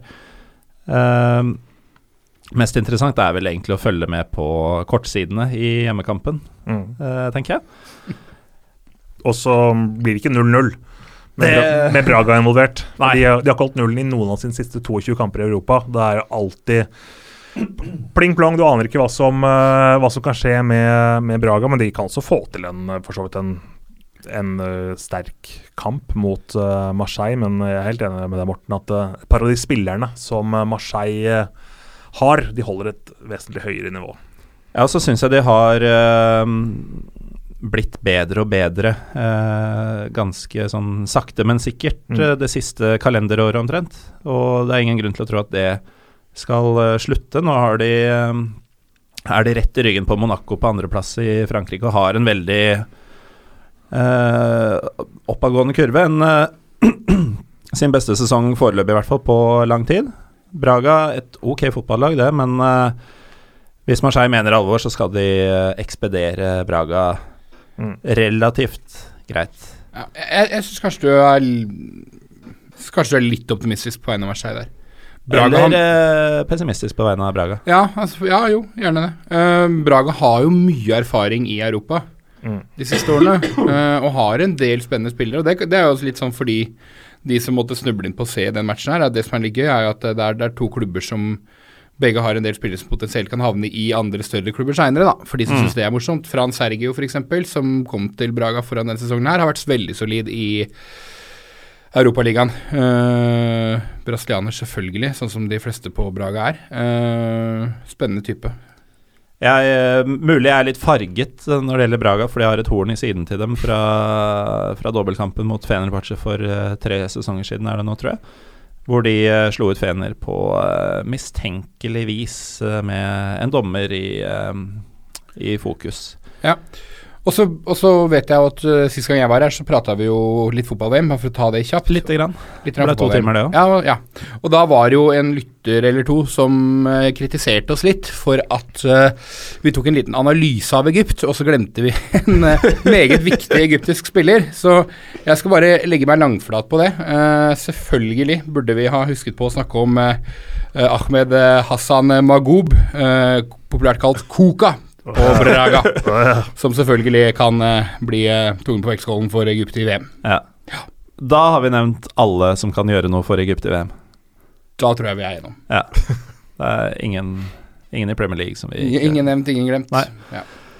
Da har vi kommet fram til eh, ukas Fiesta, som eh, leveres av Ford. Og eh, vi snakka veldig lite om Østersund eh, i gruppespillet. Det er fordi vi eh, Vi er jo fra oss av begeistring, er jo ikke det? Eller i hvert fall beundring. Eh, Petter, du som jobber litt med å følge dette her. Vi satt vel her i, uh, i august eller september, eller når det var. Levna dem null sjanse. Ja, vi gjorde vel kanskje det. Vi sa vel at eh, nå har de poppa champagne. Nå har de, nå har de kommet egentlig dit de drømte om, da. Ja. Uh, og uh, vi hadde vel veldig små forhåpninger til at de kunne komme seg videre, men det de har gjort nå, er altså Hver eneste kamp denne, denne høsten så har jeg liksom stått og gnidd meg i øya. Hva er det som Ja, skjer? er helt Det det har, det har vært helt, helt vilt. Uh, og det er jo ikke noen Altså, de spillerne som Østersund har også, vi har blitt bedre kjent med dem gjennom, gjennom høsten og vinteren her. Det er jo ikke noen sånne tunge navn. Nei. Sånn som du ser i en del andre Allsvensson-klubber som henter tilbake Ja. Olsson, henter tilbake Kjellstrøm, henter tilbake Svensson. Altså sånne ting. Det, er, Mm, det er jo ikke noe sånn. Det er, det er spillere som ikke har fått det til i Allsvenskan, som Ja. er helt sheriffer ute i Europa. Det er helt vanvittig. Og, de har, og vi, vi må repetere litt da med Graham Potter, Ja. som altså er den eneste engelske treneren ute i Europa. Så nå skal han opp mot Arsenal. det, er, det kunne ikke vært uh, skrevet ja, det, bedre det, på noen det som er en, helst det er eh, en måte. eh, utrolig kul historie. Uh, det er og, og de går jo videre fra gruppa også eh, komfortabelt. Altså, Ja, tidlig. De, ja, ja, de leda den vel en periode, og så havner de vel likt poeng med, med. Athletic, Ja. mm. Men, men det var sånn det var sånn grei skuring, og for de som ikke husker, uh, husker hvordan de kom seg inn nå, så var det jo Paok og Galatasaray de slo ut. Ja, ikke sant? Det, er, altså, det, det de har gjort, det er ikke, det er ikke bare blaff lenger. Det er, det er kjempeimponerende. Eh, rett og slett. Og det er klart at han, han Potter, som har vært der og hatt det her prosjektet hele veien uh, Det blir spennende å se hvor han kan havne etter hvert, for han må jo bli en ettertrakta type. Han han kom dit altså i 2011. Da spilte de på nivå fire Ja. i England. Seks år senere Europaliga. Ja. Arsenal er neste I sluttspill. Ja. Ja, og, og, og, og, og klubben er så ung at Wenger har trent Arsenal lenger enn klubben har eksistert. Det er I- faktisk 31. oktober 1996 så ble Østersund stifta, og um, Wenger kom altså i august. ja. Så, så det er eh, Jeg holdt på å si man, man snakker om at man ikke husker livet før Wenger, men, eh, men det, hadde, ja, det hadde faktisk ikke Østersund. Østersund har ikke eksistert uten Nei. at Arsenal har hatt Wenger. Nei, og det, er- det, er, det, er, det, er, et kjempeeventyr. Eh, Jeg, jeg leste i dag eh, i en eller annen avis at eh, alle hotellene eh, er allerede fullbooka i byen eh, når Arsenal kommer. Og det til tross for at kampbilletten er ikke lagt ut ennå. Så alt av hoteller er fullbooka. Stadion tar jo bare 5000 tilskuere. Ja, for Det skvatt jeg litt av selv, for jeg skal sannsynligvis jobbe på den, kamp jobbe på den kampen. og Ja. skal sannsynligvis til Østersund, så, Au, så, det, så den, eh, den, eh, den skvatt jeg litt av. Men vi får, eh, vi får se hvordan, hvordan det blir. Men Ja, men, men, men du nevnte litt med de spillere. Ja, det er jo et par stykker der som bør nevnes. For, alle har prata om treneren og, og hvor innmari imponerende det, det, det Potter har fått til her. men, men det er noen spillere der som begynner å bli veldig interessante. Ehm, jeg skal prøve meg på navn her. Uh, Sot, so, Sotirios Papagianopoulos. svensk-greker, som nå er tatt ut på landslaget til, eh, til Sverige. en kommentators drøm. Ja, ikke sant? du ser fram til dette, Petter? Ja, de er altfor spandable med bokstaver i Hellas, altså. Det er eh, Ja. Men, men ja, eh, han er vel født i Sverige og er tatt ut på det svenske landslaget nå. Så han skal på en sånn derre halvjalla-turnering i, i, i Dubai i desember eller januar eller et eller annet. Et slags sånn ligalandslag som Norge noen ganger ble invitert på til Hongkong og annet før vi Mm. ja, ble forbigått av en del andre mer attraktive fotballnasjoner som Kapp Verde og andre. Um, der, der skal han inn. Og uh, det virker som at Østersund er forberedt på å miste han, for de prøvde jo å hente inn en ny stopper tidligere denne uka. Eh, Carvalho fra Malmö. Som visstnok hadde mer eller mindre signert for klubben, før Terje Liverød kom inn og fant ut at han skulle heller sende, sende Carvalho ned til Vålinga. Og der har det skjedd et eller annet veldig sketsjy, og, og um, den, den dealen falt gjennom, og, Carvalho signerte for, eh, for Vålinga her i byen. Petter, eh, flere spillere hos eh, Ja, Vi har jo denne norsk-svenske, eller svensk-norske Dennis Widgren, da, som har en far fra Steinkjer, eh, som i løpet av høsten egentlig har nesten blitt aktuell for landslaget, med tanke på at det ja? Mm. Så- norske eller svenske? Nei, norske. Plutselig så dukket jo han opp, med tanke på at han har gjort det bra i Europa. Og jeg tror nok ikke han heller hadde forventet uh, pappa Haldor hjemme i Steinkjer at sønnen plutselig skulle ut og herje i Europaligaen for noen år siden, uh, liksom. Så um, det er eh, mange, mange små eventyrhistorier innad, innad i dette laget her. Så får vi se da hvor lenge de, eh, hvor lenge de kan leve ut denne drømmen, om det er over nå mot Det- uh, Arsenal. Det virker jo som om lykken ikke vil ta noen ende, da. Fordi først så slår de jo ut uh, svære, svære klubber i form av Paok og Galatasaray i, eh, i uh, kvaliken. Og så kommer de til et gruppespill hvor vi sitter og bare Ok, her er dere kjørt. Alle lagene her er bedre enn dere. Og går videre med glans. Uh, du sendte jo melding i løpet av høsten Trym, om at Østersund kommer til å vinne Europaligaen. Og så, Ja. uh, hva, hva kan toppe dette? Jo, de trekker Arsenal. Ja. Det er jo drømmen for eh, alle som ikke er helt som oss. Ja, husk at Arsenal har veldig veldig høy standing i, i Sverige. Arsenal er litt sånn, sånn det, det, det, Liverpool er i Norge, er litt sånn Arsenal er i Sverige, faktisk. Eh, Liverpool er også store der, men jeg har vært og sett Arsenal i i en sånn meningsløs treningsmatch i, uh, i Gøteborg, uh, når de møtte Manchester City. Uh, og da var det tre ganger så mye lokale Arsenal-fans som det var City-fans. Eh, Arsenal med Freddy Jungberg og uh, Rami Shaban og eh, selvfølgelig en del fetere spillere enn Limpar osv. som har spilt i Arsenal. Så, så, så, så eh, det, det er jo en klubb som virkelig Det føles nesten litt som om etter, og Som om Ranheim skulle fått eh, Liverpool i Europaligaen. Er, er litt sånn det her føles med, med, med svenske øyne. Eh, Kjempegøy. Vanvittig Askeladd-historie som det blir eh, gøy å følge videre. De har jo vist Østersund at de, de skal ikke regnes ut før, før kampen er spilt.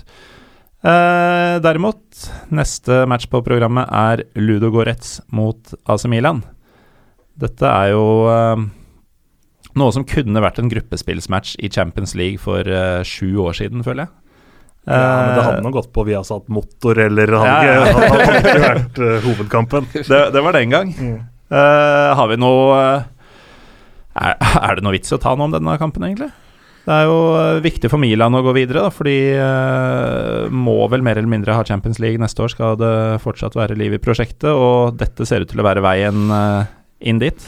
Ja, Milan har jo tradisjon uansett, selv om det er et litt nytt lag som er på gang nå. De har jo gått videre 16 ganger etter 2000-tallet, altså i løpet av 2000-tallet til, til spill i Europa etter nyttår. Og jeg forventer jo at de kommer til å ta Ludogorets ganske greit, selv om det er ikke noe enkel tur å komme til eh, Bulgaria der og feie dem av eh, banen, det skal sies. Spesielt sånn som Milan har eh, slitt. Og så er det denne med dette lille kryd krydderet som gjør at eh, de kan jo bli den sjette klubben, altså vinner alle de tre største eh, Uefa-turneringene Ja. i historien. Ja. Det er jo da Champions League, eh, som selvfølgelig er det største nå, som også da var eh, serievinnercupen. Mm. Så har vi Uefa-cupen, som nå er Europa League. Og så hadde vi den nedlagte cupen i cupen. De andre lagene som har vunnet, er jo Ajax, Bayern München, Chelsea, Juventus og Manchester United. Det er en uh, fin, uh, eksklusiv gjeng å blande seg inn i. Ja, er, det er nå de har muligheten, da. Ja. Altså, de, de har jo ikke lyst til å dessverre komme tilbake til Europaligaen neste år. Det er fint å ha dem her, men eh, de, de er jo en klubb som eh, etter deres eget utsagn kanskje skal spille i Champions League hvert eneste år. Ja, og vi var litt inne på det i stad, hva det kan bety i forhold til eierskap og litt sånne ting, at de faktisk eh, får til noe her. Eh, så det er klart at det er viktig. Men så er det jo også Gattusso som har kommet inn som trener, eh, og som vel gikk på en ganske heftig smell nå forrige helg. Så dette, og han er en vinnerskalle. Mm. Så jeg tror ikke han eh, De drakk ikke til Bulgaria tar lett på det her. Det, de, de skal og må videre. En vinnerskalle er han, eh, men det har jo vært reist spørsmål rundt egenskapene hans. på- Ja, nei, nei, de er ikke der. på sidelinja, og det er ikke gitt at han fortsatt sitter når disse lagene skal møtes. Eh, så det blir jo uh, Man må jo selvfølgelig holde Milan som en favoritt, men eh, de skal holde tunga rett i munnen, og vi aner jo ikke hva som har skjedd i Milan. Det vil jo være et overgangsvindu imellom her også. Eh, så hva Milan er når disse lagene møtes i midten av februar, det vil jo ha mye å si, naturligvis, for hvordan disse kampene blir. Men det kan jo være verdt å følge med på, for det er jo make or break for potensielt videre satsing for AC Milan. Eh, så har vi da Rosenborgs eh, overmenn Real Sociedad, som eh, trakk det ene av to uh, energidrikkeide lag som har kommet inn i sluttspillet her. Det betyr jo at RB-lagene unngikk hverandre. Ja, og Det var jo en av de store spenningsmomentene med trekninga. Ja, for uh, seedingsmessig så kunne de ha fått hverandre. Mm. Og de er ikke fra samme land, så det var eh, Ja, det, hadde vært, det hadde vært helt vilt. Det Ja.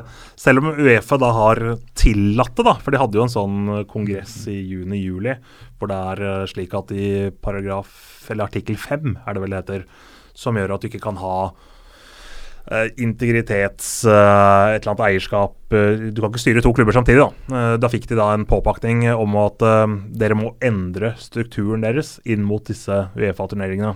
Og sånn driver jo RB Leipzig spesielt med hele tiden, i, i forbindelse med 50 pluss 1-reglene i Mm. Tyskland. De, ja, men da gjør vi det sånn, og da gjør vi det sånn, men, men ting gjøres egentlig sånn, eh, for, for å si det på den uh, måten. Mm. Så det er jo eh, De, de, de lurer, lurer systemet, rett og slett, de, begge klubbene, egentlig. Uh, Men uh, det at Real Sociedad møter Salzburg, det er en ganske tøff motstander. Så vi, vi fniser litt av RB Salzburg med disse to nordmennene, Valen Berisha og Gulbrandsen, som begge har gjort det bra i uh, turneringa til nå. Det tok like mange poeng, de to klubbene her i gruppespillet.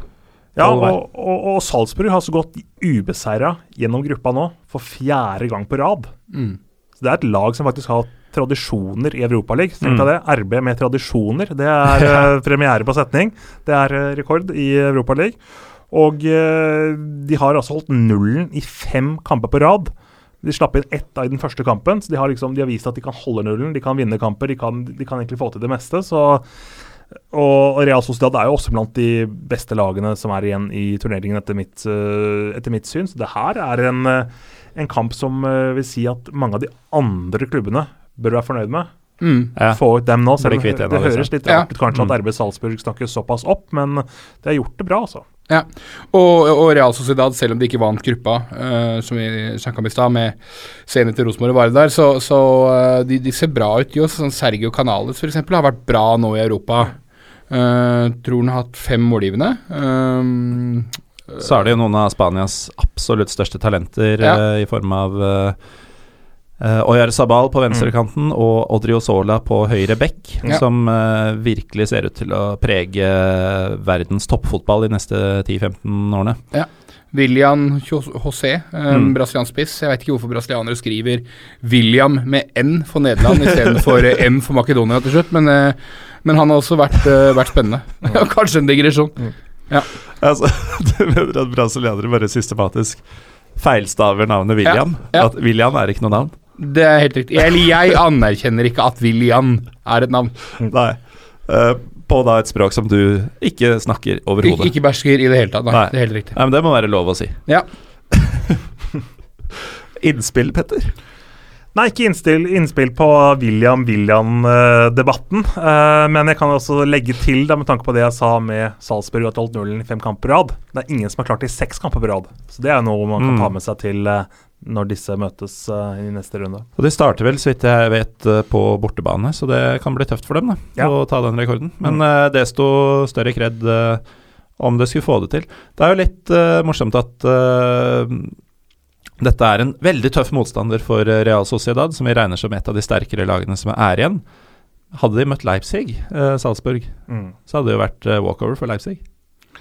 Ja, er det jo mange som sier. Tenker man, men det er litt samme som eh, Altså, jeg, jeg tenkte jo at Hoffenheim skulle gjøre det bra, liksom. Ja. Eh, det går litt på at du har vært i dette gamet før du er vant til disse torsdagskampene utover i eh, februar, mars, april, og for så vidt for Salzburgs del så har det vært september, oktober, november, liksom. At du, du kommer inn i tralt. eh, og for Salzburgs del så har jo den østerrikske Bundesliga vært ganske grei skuring egentlig i mange år. Selv om Mm. det akkurat nå er de ikke ligaleder, da. Men eh, Nei, men de tar innpå nå. med, med tradisjonens uh, tro, så, så er ikke det noe de trenger å stresse med, da.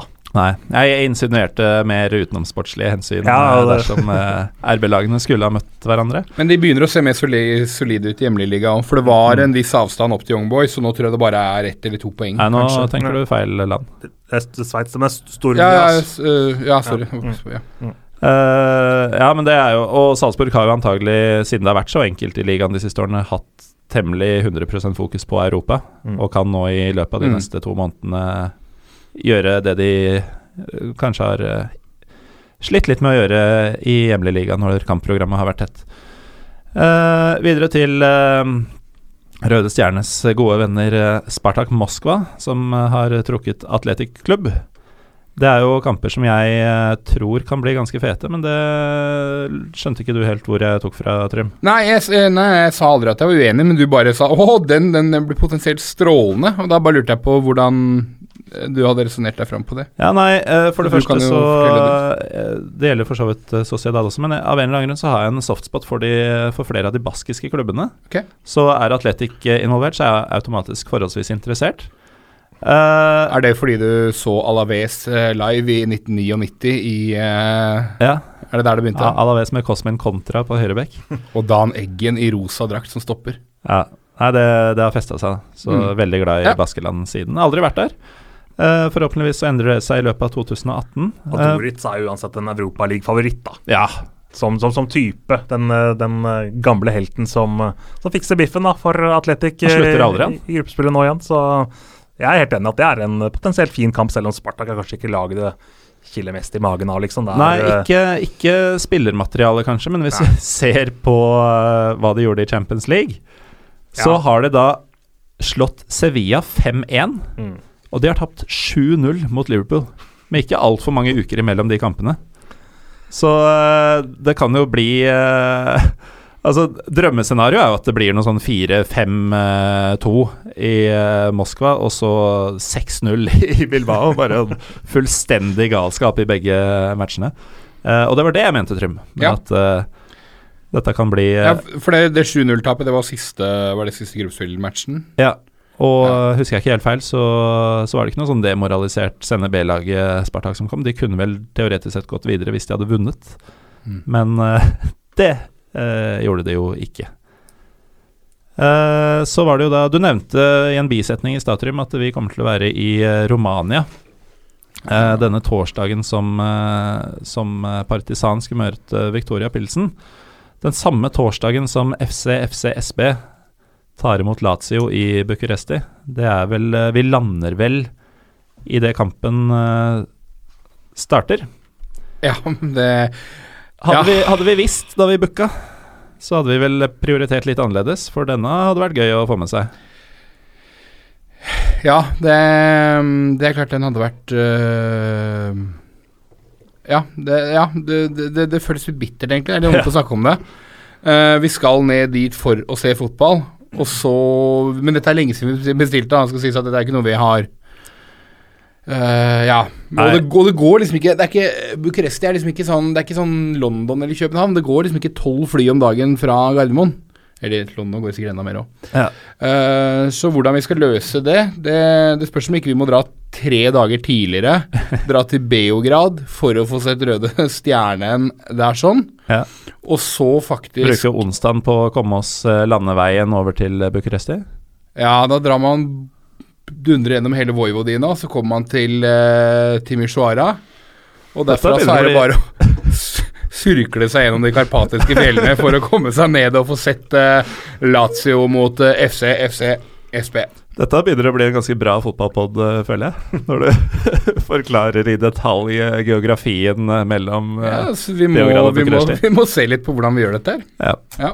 Og det er egentlig det vi har å si om den kampen. Um, vil jo Ja. tro at Lazio blir eh, hakket for sterke. Ja da, øh, vi var litt inne på FCSB SB i, i stad også. Ja, det er kanskje ikke så mye mer å si, jeg vet ikke. Nei, så så jeg at eh, i min iver etter å snakke om eh, kampen vi må hoppe gjennom eh, både ild og vann og fjell og dal og skog for å eventuelt få med oss, så hoppa jeg over NIS mot uh, Lokomotiv Moskva. Du hadde litt sansen for Lokomotiv i gruppespillet, Petter. Hva tror du de kan få til mot Nice? Jeg tror Lokomotiv Moskva tar dem, jeg. Eh, Du gjør det? Lokomotivet dundrer på i russisk fotball. Jeg syns de har sett steingode ut. De har eh, eh, Jefferson Farfan som skal uh, holde koken inn mot uh, VM til sommeren. Han Mm. eh, er plutselig en fyr som uh, nærmest ser ut som en lederstjerne, holdt jeg på å si, i det laget der. Han har jo slitt med holdninger og, og det som er. Her får han eh, være seg sjøl, tydeligvis, og får får vært en superstjerne. De har eh, en spennende mann som heter Aleksej Miranchuk. Det er to tvillinger som spiller eh, der fremme. Begge heter Alexei Eh, Miranchuk. Nei, han andre heter vel Anton. Anton Aleksej. Begge er 22. Og Aleksej Miranchuk var jo spilleren Ståle Solbakken eh, sammen med Farfan fremhevet at han må vi stoppe. Mm. Uh, og så har de jo Altså, det er et solid russisk eh, lag, men med det krydderet. Og så har de selvfølgelig Ankverkvelia i forsvar. De har Tobla Denisov, en fra Usbekistan, en fra Russland. Liksom. Så de har en del som har masse landskamper under, eh, under eh, beltet. Så jeg tror faktisk at uh, Lokomotiv Moskva kommer til å avslutte sesongen til NIS i, NIS i Europaligaen. Dette er jo den lengste europacupsesongen NIS noen gang har hatt òg, med ti kamper. Så nå er det over. Ja, Nå er det over. Og så er det jo litt gøy i seg selv for uh, russisk fotball som skal arrangere VM til sommeren, at, det at de har med faktisk hele fire lag. Uh, I sluttspillet. ja. Eh, det i seg selv er et litt poeng. Ja, det er et godt et også. Det har jeg faktisk ikke registrert uh, i farta. Og så er, er det også litt gøy at det ikke er sånn type Ansi Ma Mashakala, eller hvordan i all verden det uttales. Eh, at, at det faktisk er de fire litt uh, genuine lagene, da. Mm. Men, men minus her, da, for å legge til det, uh, for å forsvare meg når, når folk hører på dette her i februar-mars uh, Som de jo kommer til å gjøre. Da Lokomotiv Eller når Lokomotiv har røket ut da, mot NIS, er jo at Lokomotiv er ute av sesong. Ja. Den russiske ligaen er jo i gang igjen i mars. Ja, for der er det en lang vinterpause. Ja, De russiske Mm. lagene er jo ofte å se på La Manga med norske lag, ikke sant? Mm. For juling av norske lag det er ofte. ikke bare Ja, var ikke Lokomotiv Moskva som banka opp Asa Karadas på La Manga en gang til? Ja, det skal til å si, det er ikke bare fotballtrening de har gjort på La Manga og sånne ting. Der er det andre ting som også skjer. Så om de eh, er så fokuserte og er så sharpe som de bør være da mot NIS, som er i sesong, det kan være, være noe som selvfølgelig spiller inn. Men eh, jeg vil sette en liten slant på lokomotivet likevel. Ja, spennende, spennende take. Um, AIK Dynamo Kiev. Her skal man ha fulgt ganske bra med i gruppespill, vel, for å ha noe spesielt å komme med? Eh, Nei, Ja, nei, nei, det altså, dette er jo Jeg er så glad for å ha dere her. vi har jo spist der, da. Ja, Junior Dynamo Moraes. Ja. Ja, Mm. som, eh, som, har- som har bøtta inn. da, Skåret Mm. seks mål. Og han har vært, eh, vært frisk. Såpass frisk også at han har meldt seg til tjeneste. Ukraina, kom og hent meg. Jeg vil spille for landslaget deres. Det er jo litt eh, klassisk, eh, klassisk det også. Det er vel ikke akkurat uh, min kopp te. Nei. Men uh, det ligger vel noen brune konvolutter og lurer som uh, helt sikkert han kan være interessert i sånn sett. Men det er jo han og Rigoni og André Silva da, som har skåret Vi har jo vært innom Silva for så vidt, som skåret eh, seks mål til nå. Og at Dynamo Kiev er litt uh, på farten, det syns jeg er litt sånn uh, gammel uh, Det er jo litt riktig. Det er, det er litt nostalgi over det. Mm. Og de har jo vært veldig sterke hjemme også. 5-1-0 på de siste hjemmekampene i Europa. Så det er på hjemmebane de må gjøre det i dette oppgjøret her. Det var jo noe med det, Trym, da vi var i Kiev og gikk glipp av kamp fordi det ble krig i stedet. Eh, så var vi jo innom museet til Dynamo Mm. Kiev, og det var jo Selv om det var et lite rom, så, var, Ja. så sa det mye. Ja da. Og, og, og alle oss tre ble vel, som sitter her nå, ble vel fotballinteresserte sånn på midten, slutten av 90-tallet også. Når du hadde Sjevtsjenko og Rebrov og altså Dinamo Kiev, det klinger godt, altså. Labanovskij satt fortsatt uh, Ja, satt og røyka og Ja. Nei, ja. Det, nei, det, det er deilig at de er med videre. Så det er gøy også med, med Det er jo fremdeles uh, Det er jo fremdeles en del ballade i, uh, i Ukraina. Det er gøy å se at, at eh, klubbfotballen fremdeles eh, kan levere. Ja, apropos det, vi var jo der for eh, snart fire år siden. Sånn helt på slutten av eh, den forrige revolusjonen. Og nå er de i gang igjen der. Og fordi vi, vi kan jo ikke ta det nå, men for de som fins bitte lite grann interessert i utenrikspolitikk, så prøv å lese dere litt opp på uh, hvem som er involvert i, uh, i det politiske spillet her nå, og hvorfor. For det er, det er så sinnssykt. Det- Ja, Ukraina er helt herlig. ja, herlig land, men, eh, fantastisk, altså. men det er noen utfordringer der. Noen utfordringer. Det må være lov å si. ikke vi skal løse de. Nei, ikke, ikke, ikke denne podkasten. Nei. Uh, men de skal da møte AIK, da. Det er lenge siden jeg kan huske å ha sett dem i Europa i det hele tatt, og i hvert fall i et sluttspill. Mm. Det er eh, Så du så ikke Milan AIK Aten som jeg hadde nå i høst? Selv om Nei, det ikke var altså, Ysle- Ysle- ja, før, før, denne, Ja. før denne sesongen. Ja.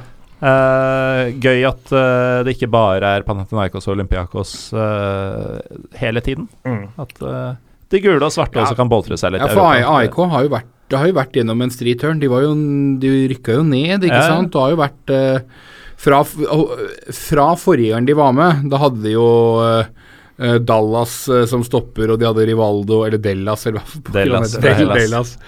Eh, ja, uh, Rivaldo, ikke sant. Uh, og siden den gang så har de jo vært uh, rykka ned. Mm. Det er jo dessverre en del stolte lag i Hellas, Aris og andre som har vært gjennom sånne tøffe turner, Så det er gøy å se, og for dem har det nok veldig mye å si økonomisk at de er videre. Det, det, det betyr Mm. nok mye. Ehm, neste oppgjør er da Celtic mot Zenit, og dette er jo uh, altså For Celtic-supportere, både her i Norge og, og i, rundt omkring i verden og i Skottland, så er jo dette en våt drøm, nesten. Fordi er det noen som liker å blande politikk inn, så er det Celtic. Og her kommer da brune, brune Zenit fra St. Petersburg. Er det, er det grunn til å frykte rammen rundt? Gazprom tenker jeg med en gang, liksom. med Zenit og alt det medfører. Men uh, om det blir så mye gassing på tribunen, det er jeg faktisk litt uh, usikker på. Nei, altså hvis, hvis det blir en sånn svær Celtic-kontingent som reiser til St. Petersburg, Da så frykter jeg nok at det kan bli en del bråk. Og det, det er synd, fordi at det er riktig som du sier at Celtic og sånn er veldig på dette øh, politiske og for det religiøse og i det hele tatt, men det er jo noen av de kuleste bortesupporterne i Europa. Mm. Uh, men jeg tror at det er en del uh, brune eller lyseblå, alt ettersom hvordan du ser det, som vil ta imot de på en eh, negativ måte. Den, den rause, rause skotske fyllehumoren uh, kommer kanskje til å bli misforstått litt, eh, mer eller mindre med vilje. det er noe som blir lost in translation der, antageligvis. ja. Kan fort skje. Ja, så, ja. Uh, men det er jo um, Rosenborgs overmenn, faktisk, begge to. Uh, Celtic var vel de som endte Champions League-drømmen til Rosenborg i sommer, og Zenit et av to lag som Mm. moste trønderne mer eller mindre i uh, gruppespillet. Jeg vil jo tro at det er Zenit som stiller sterkest her. Ja. Ganske Ja, altså Zenit kommer fra en liga som er såpass mye bedre enn det Celtic gjør. Men igjen, da utenfor sesong, som eh, Petter var inne på angående Mokba-lagene. Eh, det jeg synes, du, du, du nevnte jo så vidt når, du, når vi snakka om Oras i stad, de som har putta seks mål i gruppespillet. Uh, em, som nevnte du, Emiliano Rigoni. Mm. Argentiner, midtbanespiller, som, som også uh, har putta bra med mål. Mm. Eh, utrolig spennende spiller på 24 år. Eh, som kanskje ikke så mange har fått med seg ennå, men som muligens kan stå og banke litt på, på døra for Argentina til å være med til VM på si, hans hjemmebane til sommeren. Mm.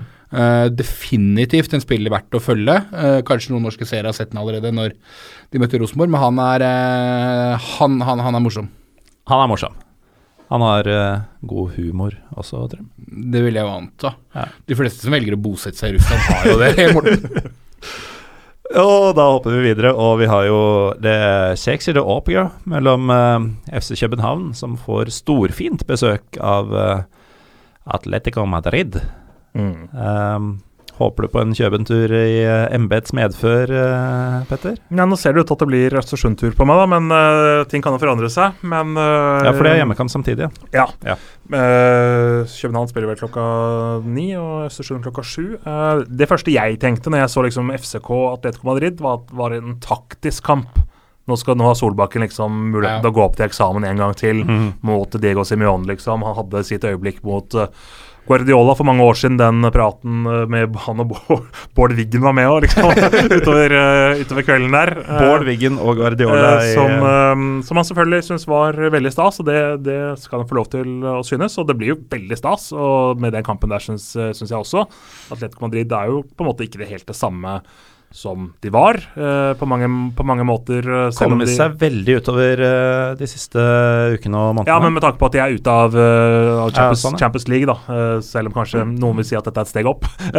Ja. At det er Europaligaen. Men, men København de skal nok slite fryktelig tungt i den kampen der, altså. Med tanke på hvordan de har slitt i eh, det danske superligaen. De er også pause ak akkurat eh, nå. Jeg husker ikke når de setter i gang igjen, men det er vel eh, litt før den norske ligaen, om jeg ikke tar helt ja. eh, feil. Så der vil jeg si at Atletico Madrid er eh, 70-30 favoritter, altså. Ja, Um, det som er spennende òg, er jo i forhold til Atletico, er jo eh, når, når vi snakker om Atletico, er jo uh, hvem som skal spille på topp. Eh, for eh, Diego Costa kan vel da være i gang, kan han ikke det? Han Ja. bør være i gang. Ja, det kan jo husker ikke hvor mange du kan etterpåmelde.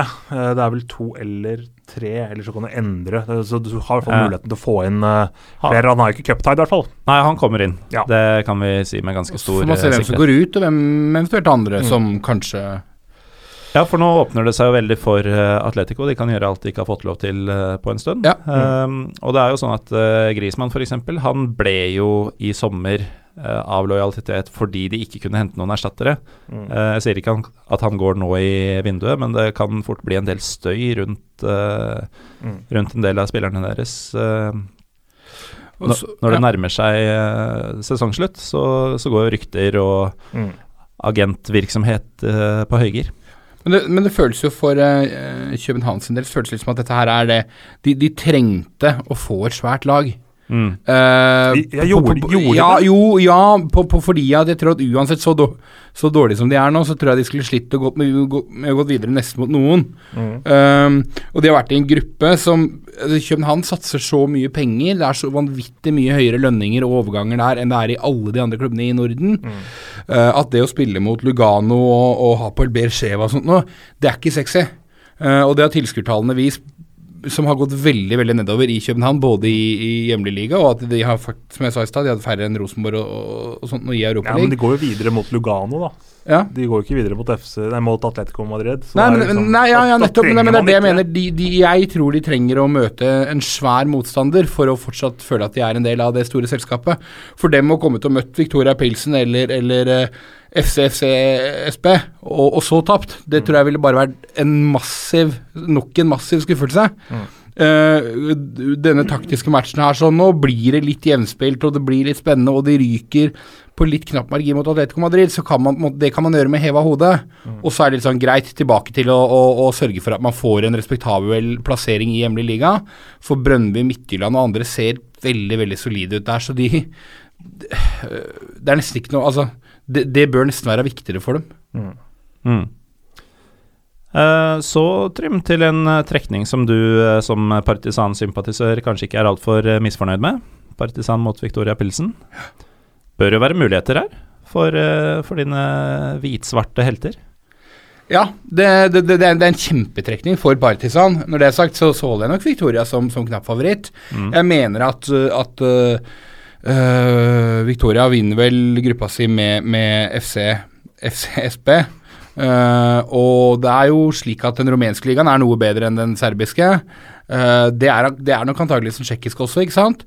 Så at de er en liten favoritt, det er de. Men at det er en motstander som Partisan på en eller to gode dager kan, kan slå ut, det, det er jeg ganske overbevist om. Jeg tror ikke Victoria er noe bedre enn eh, si eh, Young Boys, da.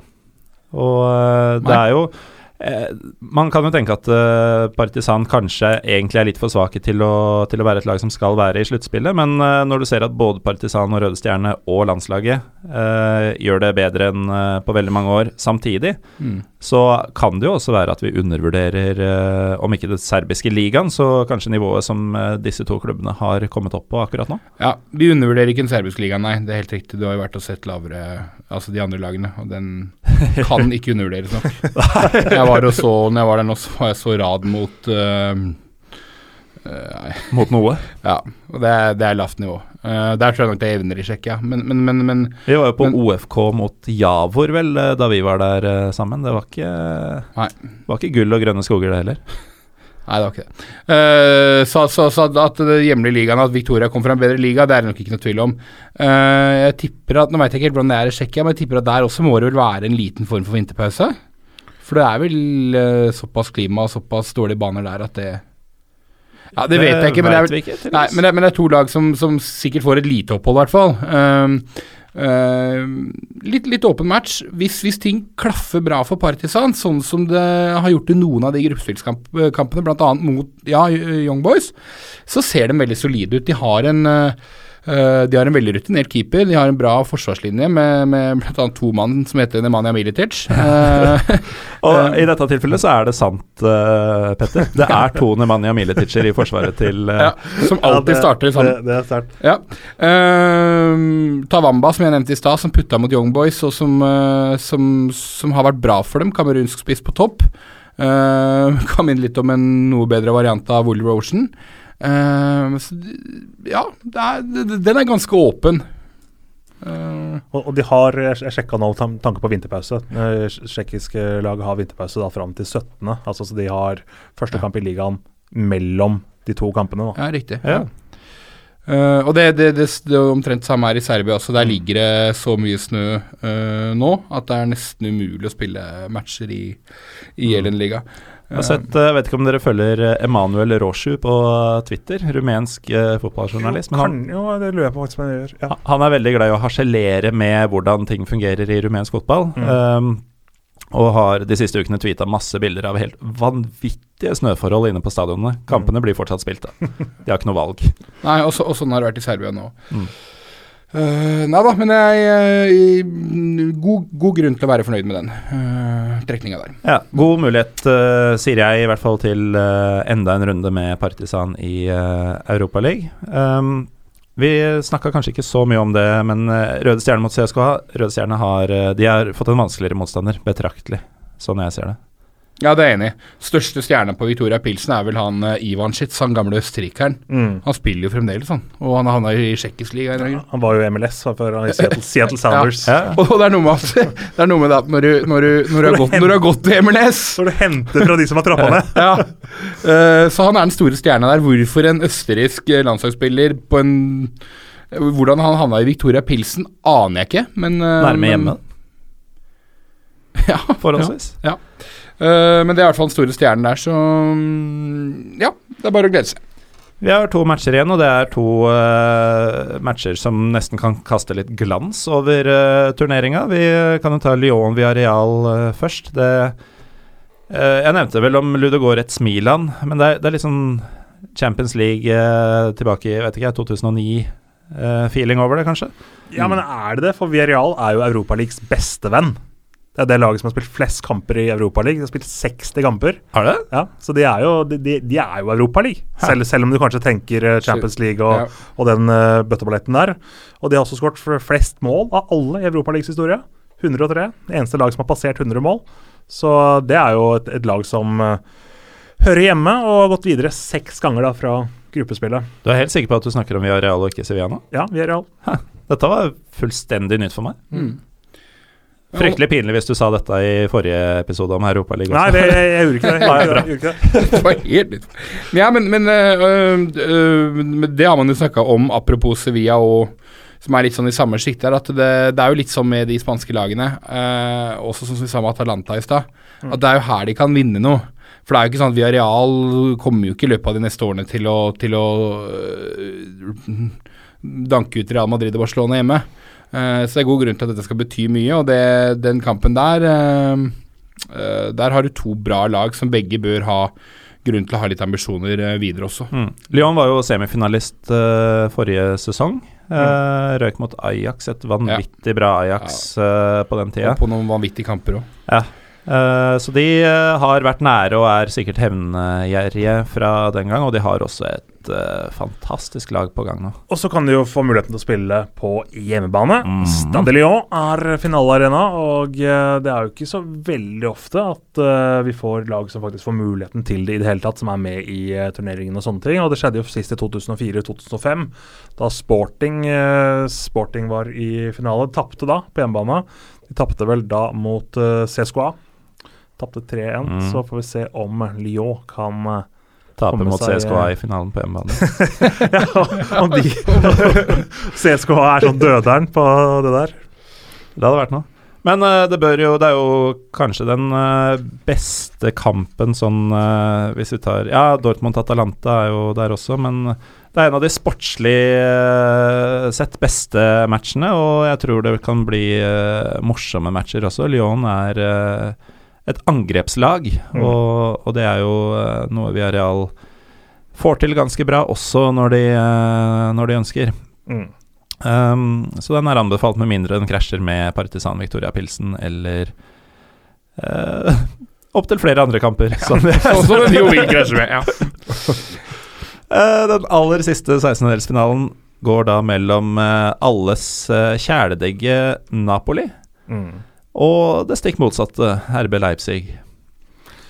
Ja, Eh. altså man snakker jo mye om at Napoli spiller fantastisk eh, fotball, og mange har blitt uh, begeistra for dem uh, i Serie A og Champions League og alt det der, og de leder jo Serie A, Mm. så det er jo ikke noe grunn til å ikke hylle dem.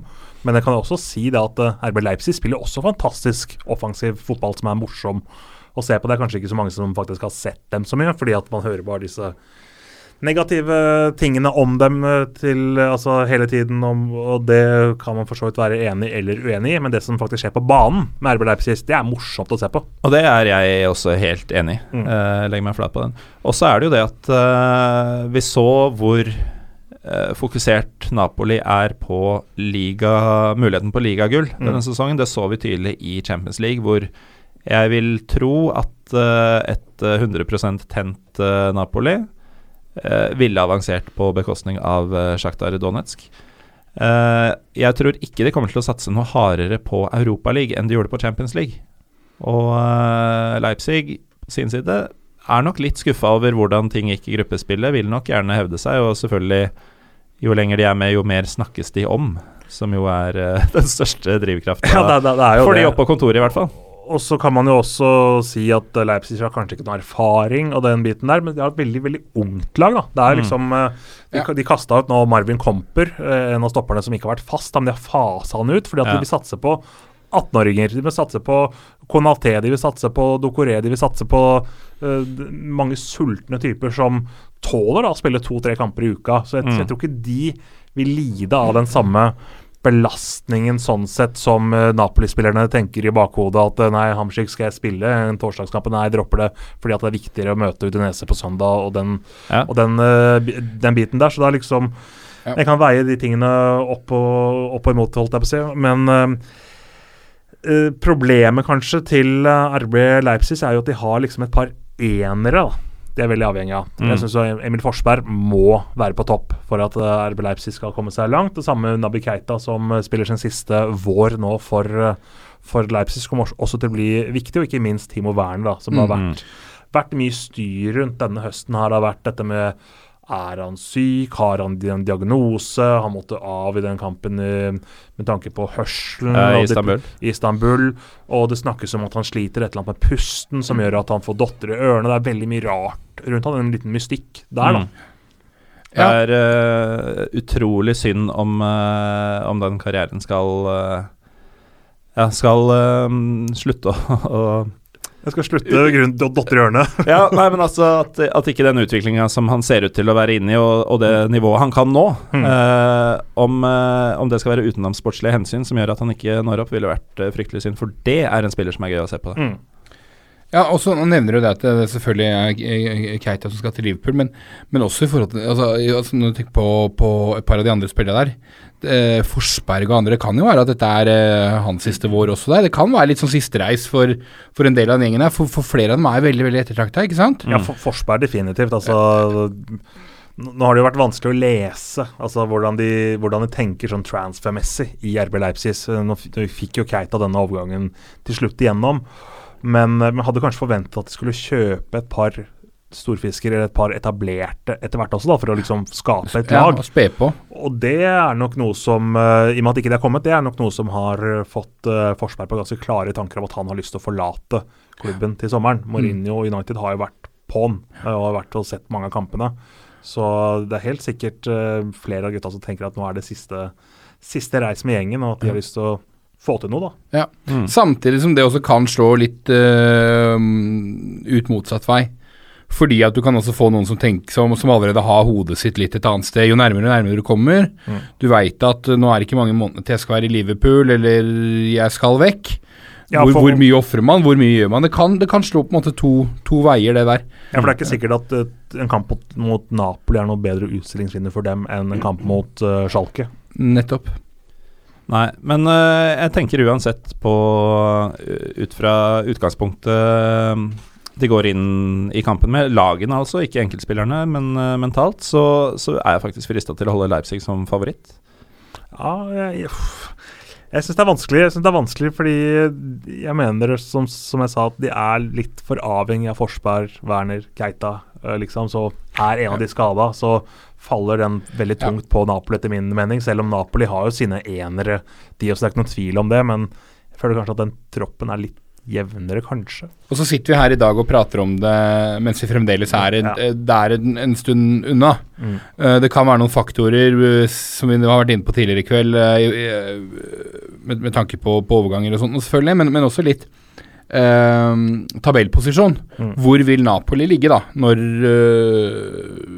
når disse kampene går i gang?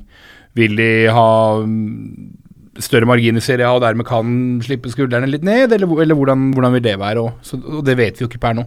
Det gjør vi ikke. Det er det som er så fascinerende med å spå ting som skjer langt fram i tid. Men uh, jeg tenker i hvert fall, om ikke favoritt, så Leipzig kan slå ut Napoli, og Salzburg kan slå ut Sociedad. Mm. Som betyr at vi kan jo uh, drømme om energidrikkderbyet i neste runde. Jeg har så lyst til å se dem møtes bare for å se hva som skjer. Ja, jeg, jeg, vil, jeg, vil, også se den kampen der, faktisk. Fordi eh, det, det blir det, det, blir liksom at Uefa har litt driti seg ut mm. om, om, det skjer. Det er det i hvert fall mange tenker, vil jeg tro. Ja. Uh, fordi at vi har jo sett altså, hele historien, vi har jo sett at uh, mange av uh, Leipzig-gutta kommer jo fra Salzburg. Det er jo farmerklubben, liksom. Det er jo som at uh, Lillestrøm Kanskje ikke Strømmen, det, det funker kanskje ikke for dere, men Nei, uh, Lillestrøm har vært farmerklubben til Molde. Ja, ja, det fins ikke bedre eksempler andre steder, da. ja, okay. men, men, men, det blir, ja, det blir helt, helt, helt merkelig. De har jo tatt feil i noen kamper også. Draktsettet til Salzburg i en treningskamp for noen år siden der, og helt kokos opplegg. Nei, jeg, jeg, håper på en måte det skjer, rett og slett for å få virkelig synliggjort en gang for alle hvor feil det er på et eller annet uh, vis her. Mm. Men det vil jo være synd, da, for da er jo Napoli røket. Det er jo et lag som man også ja. Jeg, jeg syns jo veldig godt om den. Men jeg tenker at hvis de ryker mot Leipzig, så er det delvis kalkulert. Uh, hvis de ryker mot Leipzig, så betyr det at de fortsatt har muligheten til å vinne Scudetto. Ja, og vi snakka om siste reis på Leipzig, det kan du virkelig prate om på Napoli òg, egentlig. Mm.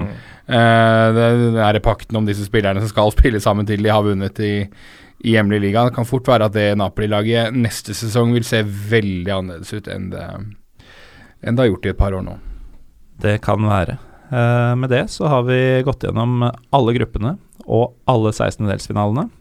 Jeg tenker at etter 16-delsfinalene så kommer vi til å gå gjennom alle 16-delsfinalene og se på alle 8-delsfinalene. Er dere med på det, eller? Selvfølgelig er vi med på det. Ja, ja, det, vi, vi får, får, til det. Ja, ja. Uh, og da vil jeg si takk til deg, Trym Hogner, for at du tok turen innom atter en gang. Takk for at jeg fikk komme innom. Og jeg vet jo at uh, du uh, setter pris på de kommentarene som kommer inn uh, i kjølvannet av eh, de gangene du er gjest, og det skjer jo forholdsvis ofte. Så til dere lyttere, hvis dere vil ha mer Trym, så er han en uh, sucker for uh, komplimenter. Uh, Petter, jeg trodde du skulle si 'i kjølvannet'. oh, der mista du den. Jeg skulle nesten stoppa dette og tatt det på nytt, fordi den er for god til å la ligge. Men det er jo en fin inngang til å takke deg også, Petter Bø Tosterud, for at du kom. Du bidrar med fine ordspill og dyp innsikt. Jo, takk, takk. Hyggelig å være her som alltid. Da gjenstår det bare å ønske dere lyttere en riktig god jul, men uh, husk, uh, og dette er for siste gang i 2017, fristen er uh, nyttårsaften for konkurransen vår, som er i samarbeid med Ford. Du kan vinne en Pyro Pivo fotballdrakt samt andre kule Ford-effekter dersom du sender inn ditt hva skal vi si, kuleste fotballøyeblikk, og hva du legger i det, er opp til deg, men send det til oss på Twitter, Instagram eller Facebook, så er du Eh, med i konkurransen hvor jeg velger ut den eh, beste. Eh, ta gjerne også spørreundersøkelsen vi har lagt ut på sosiale medier angående vårt samarbeid med Ford. Og utover det så heter jeg Morten Galaasen. Vi er PyroPivopod på Twitter og Instagram. Vi ønsker deg en riktig god jul!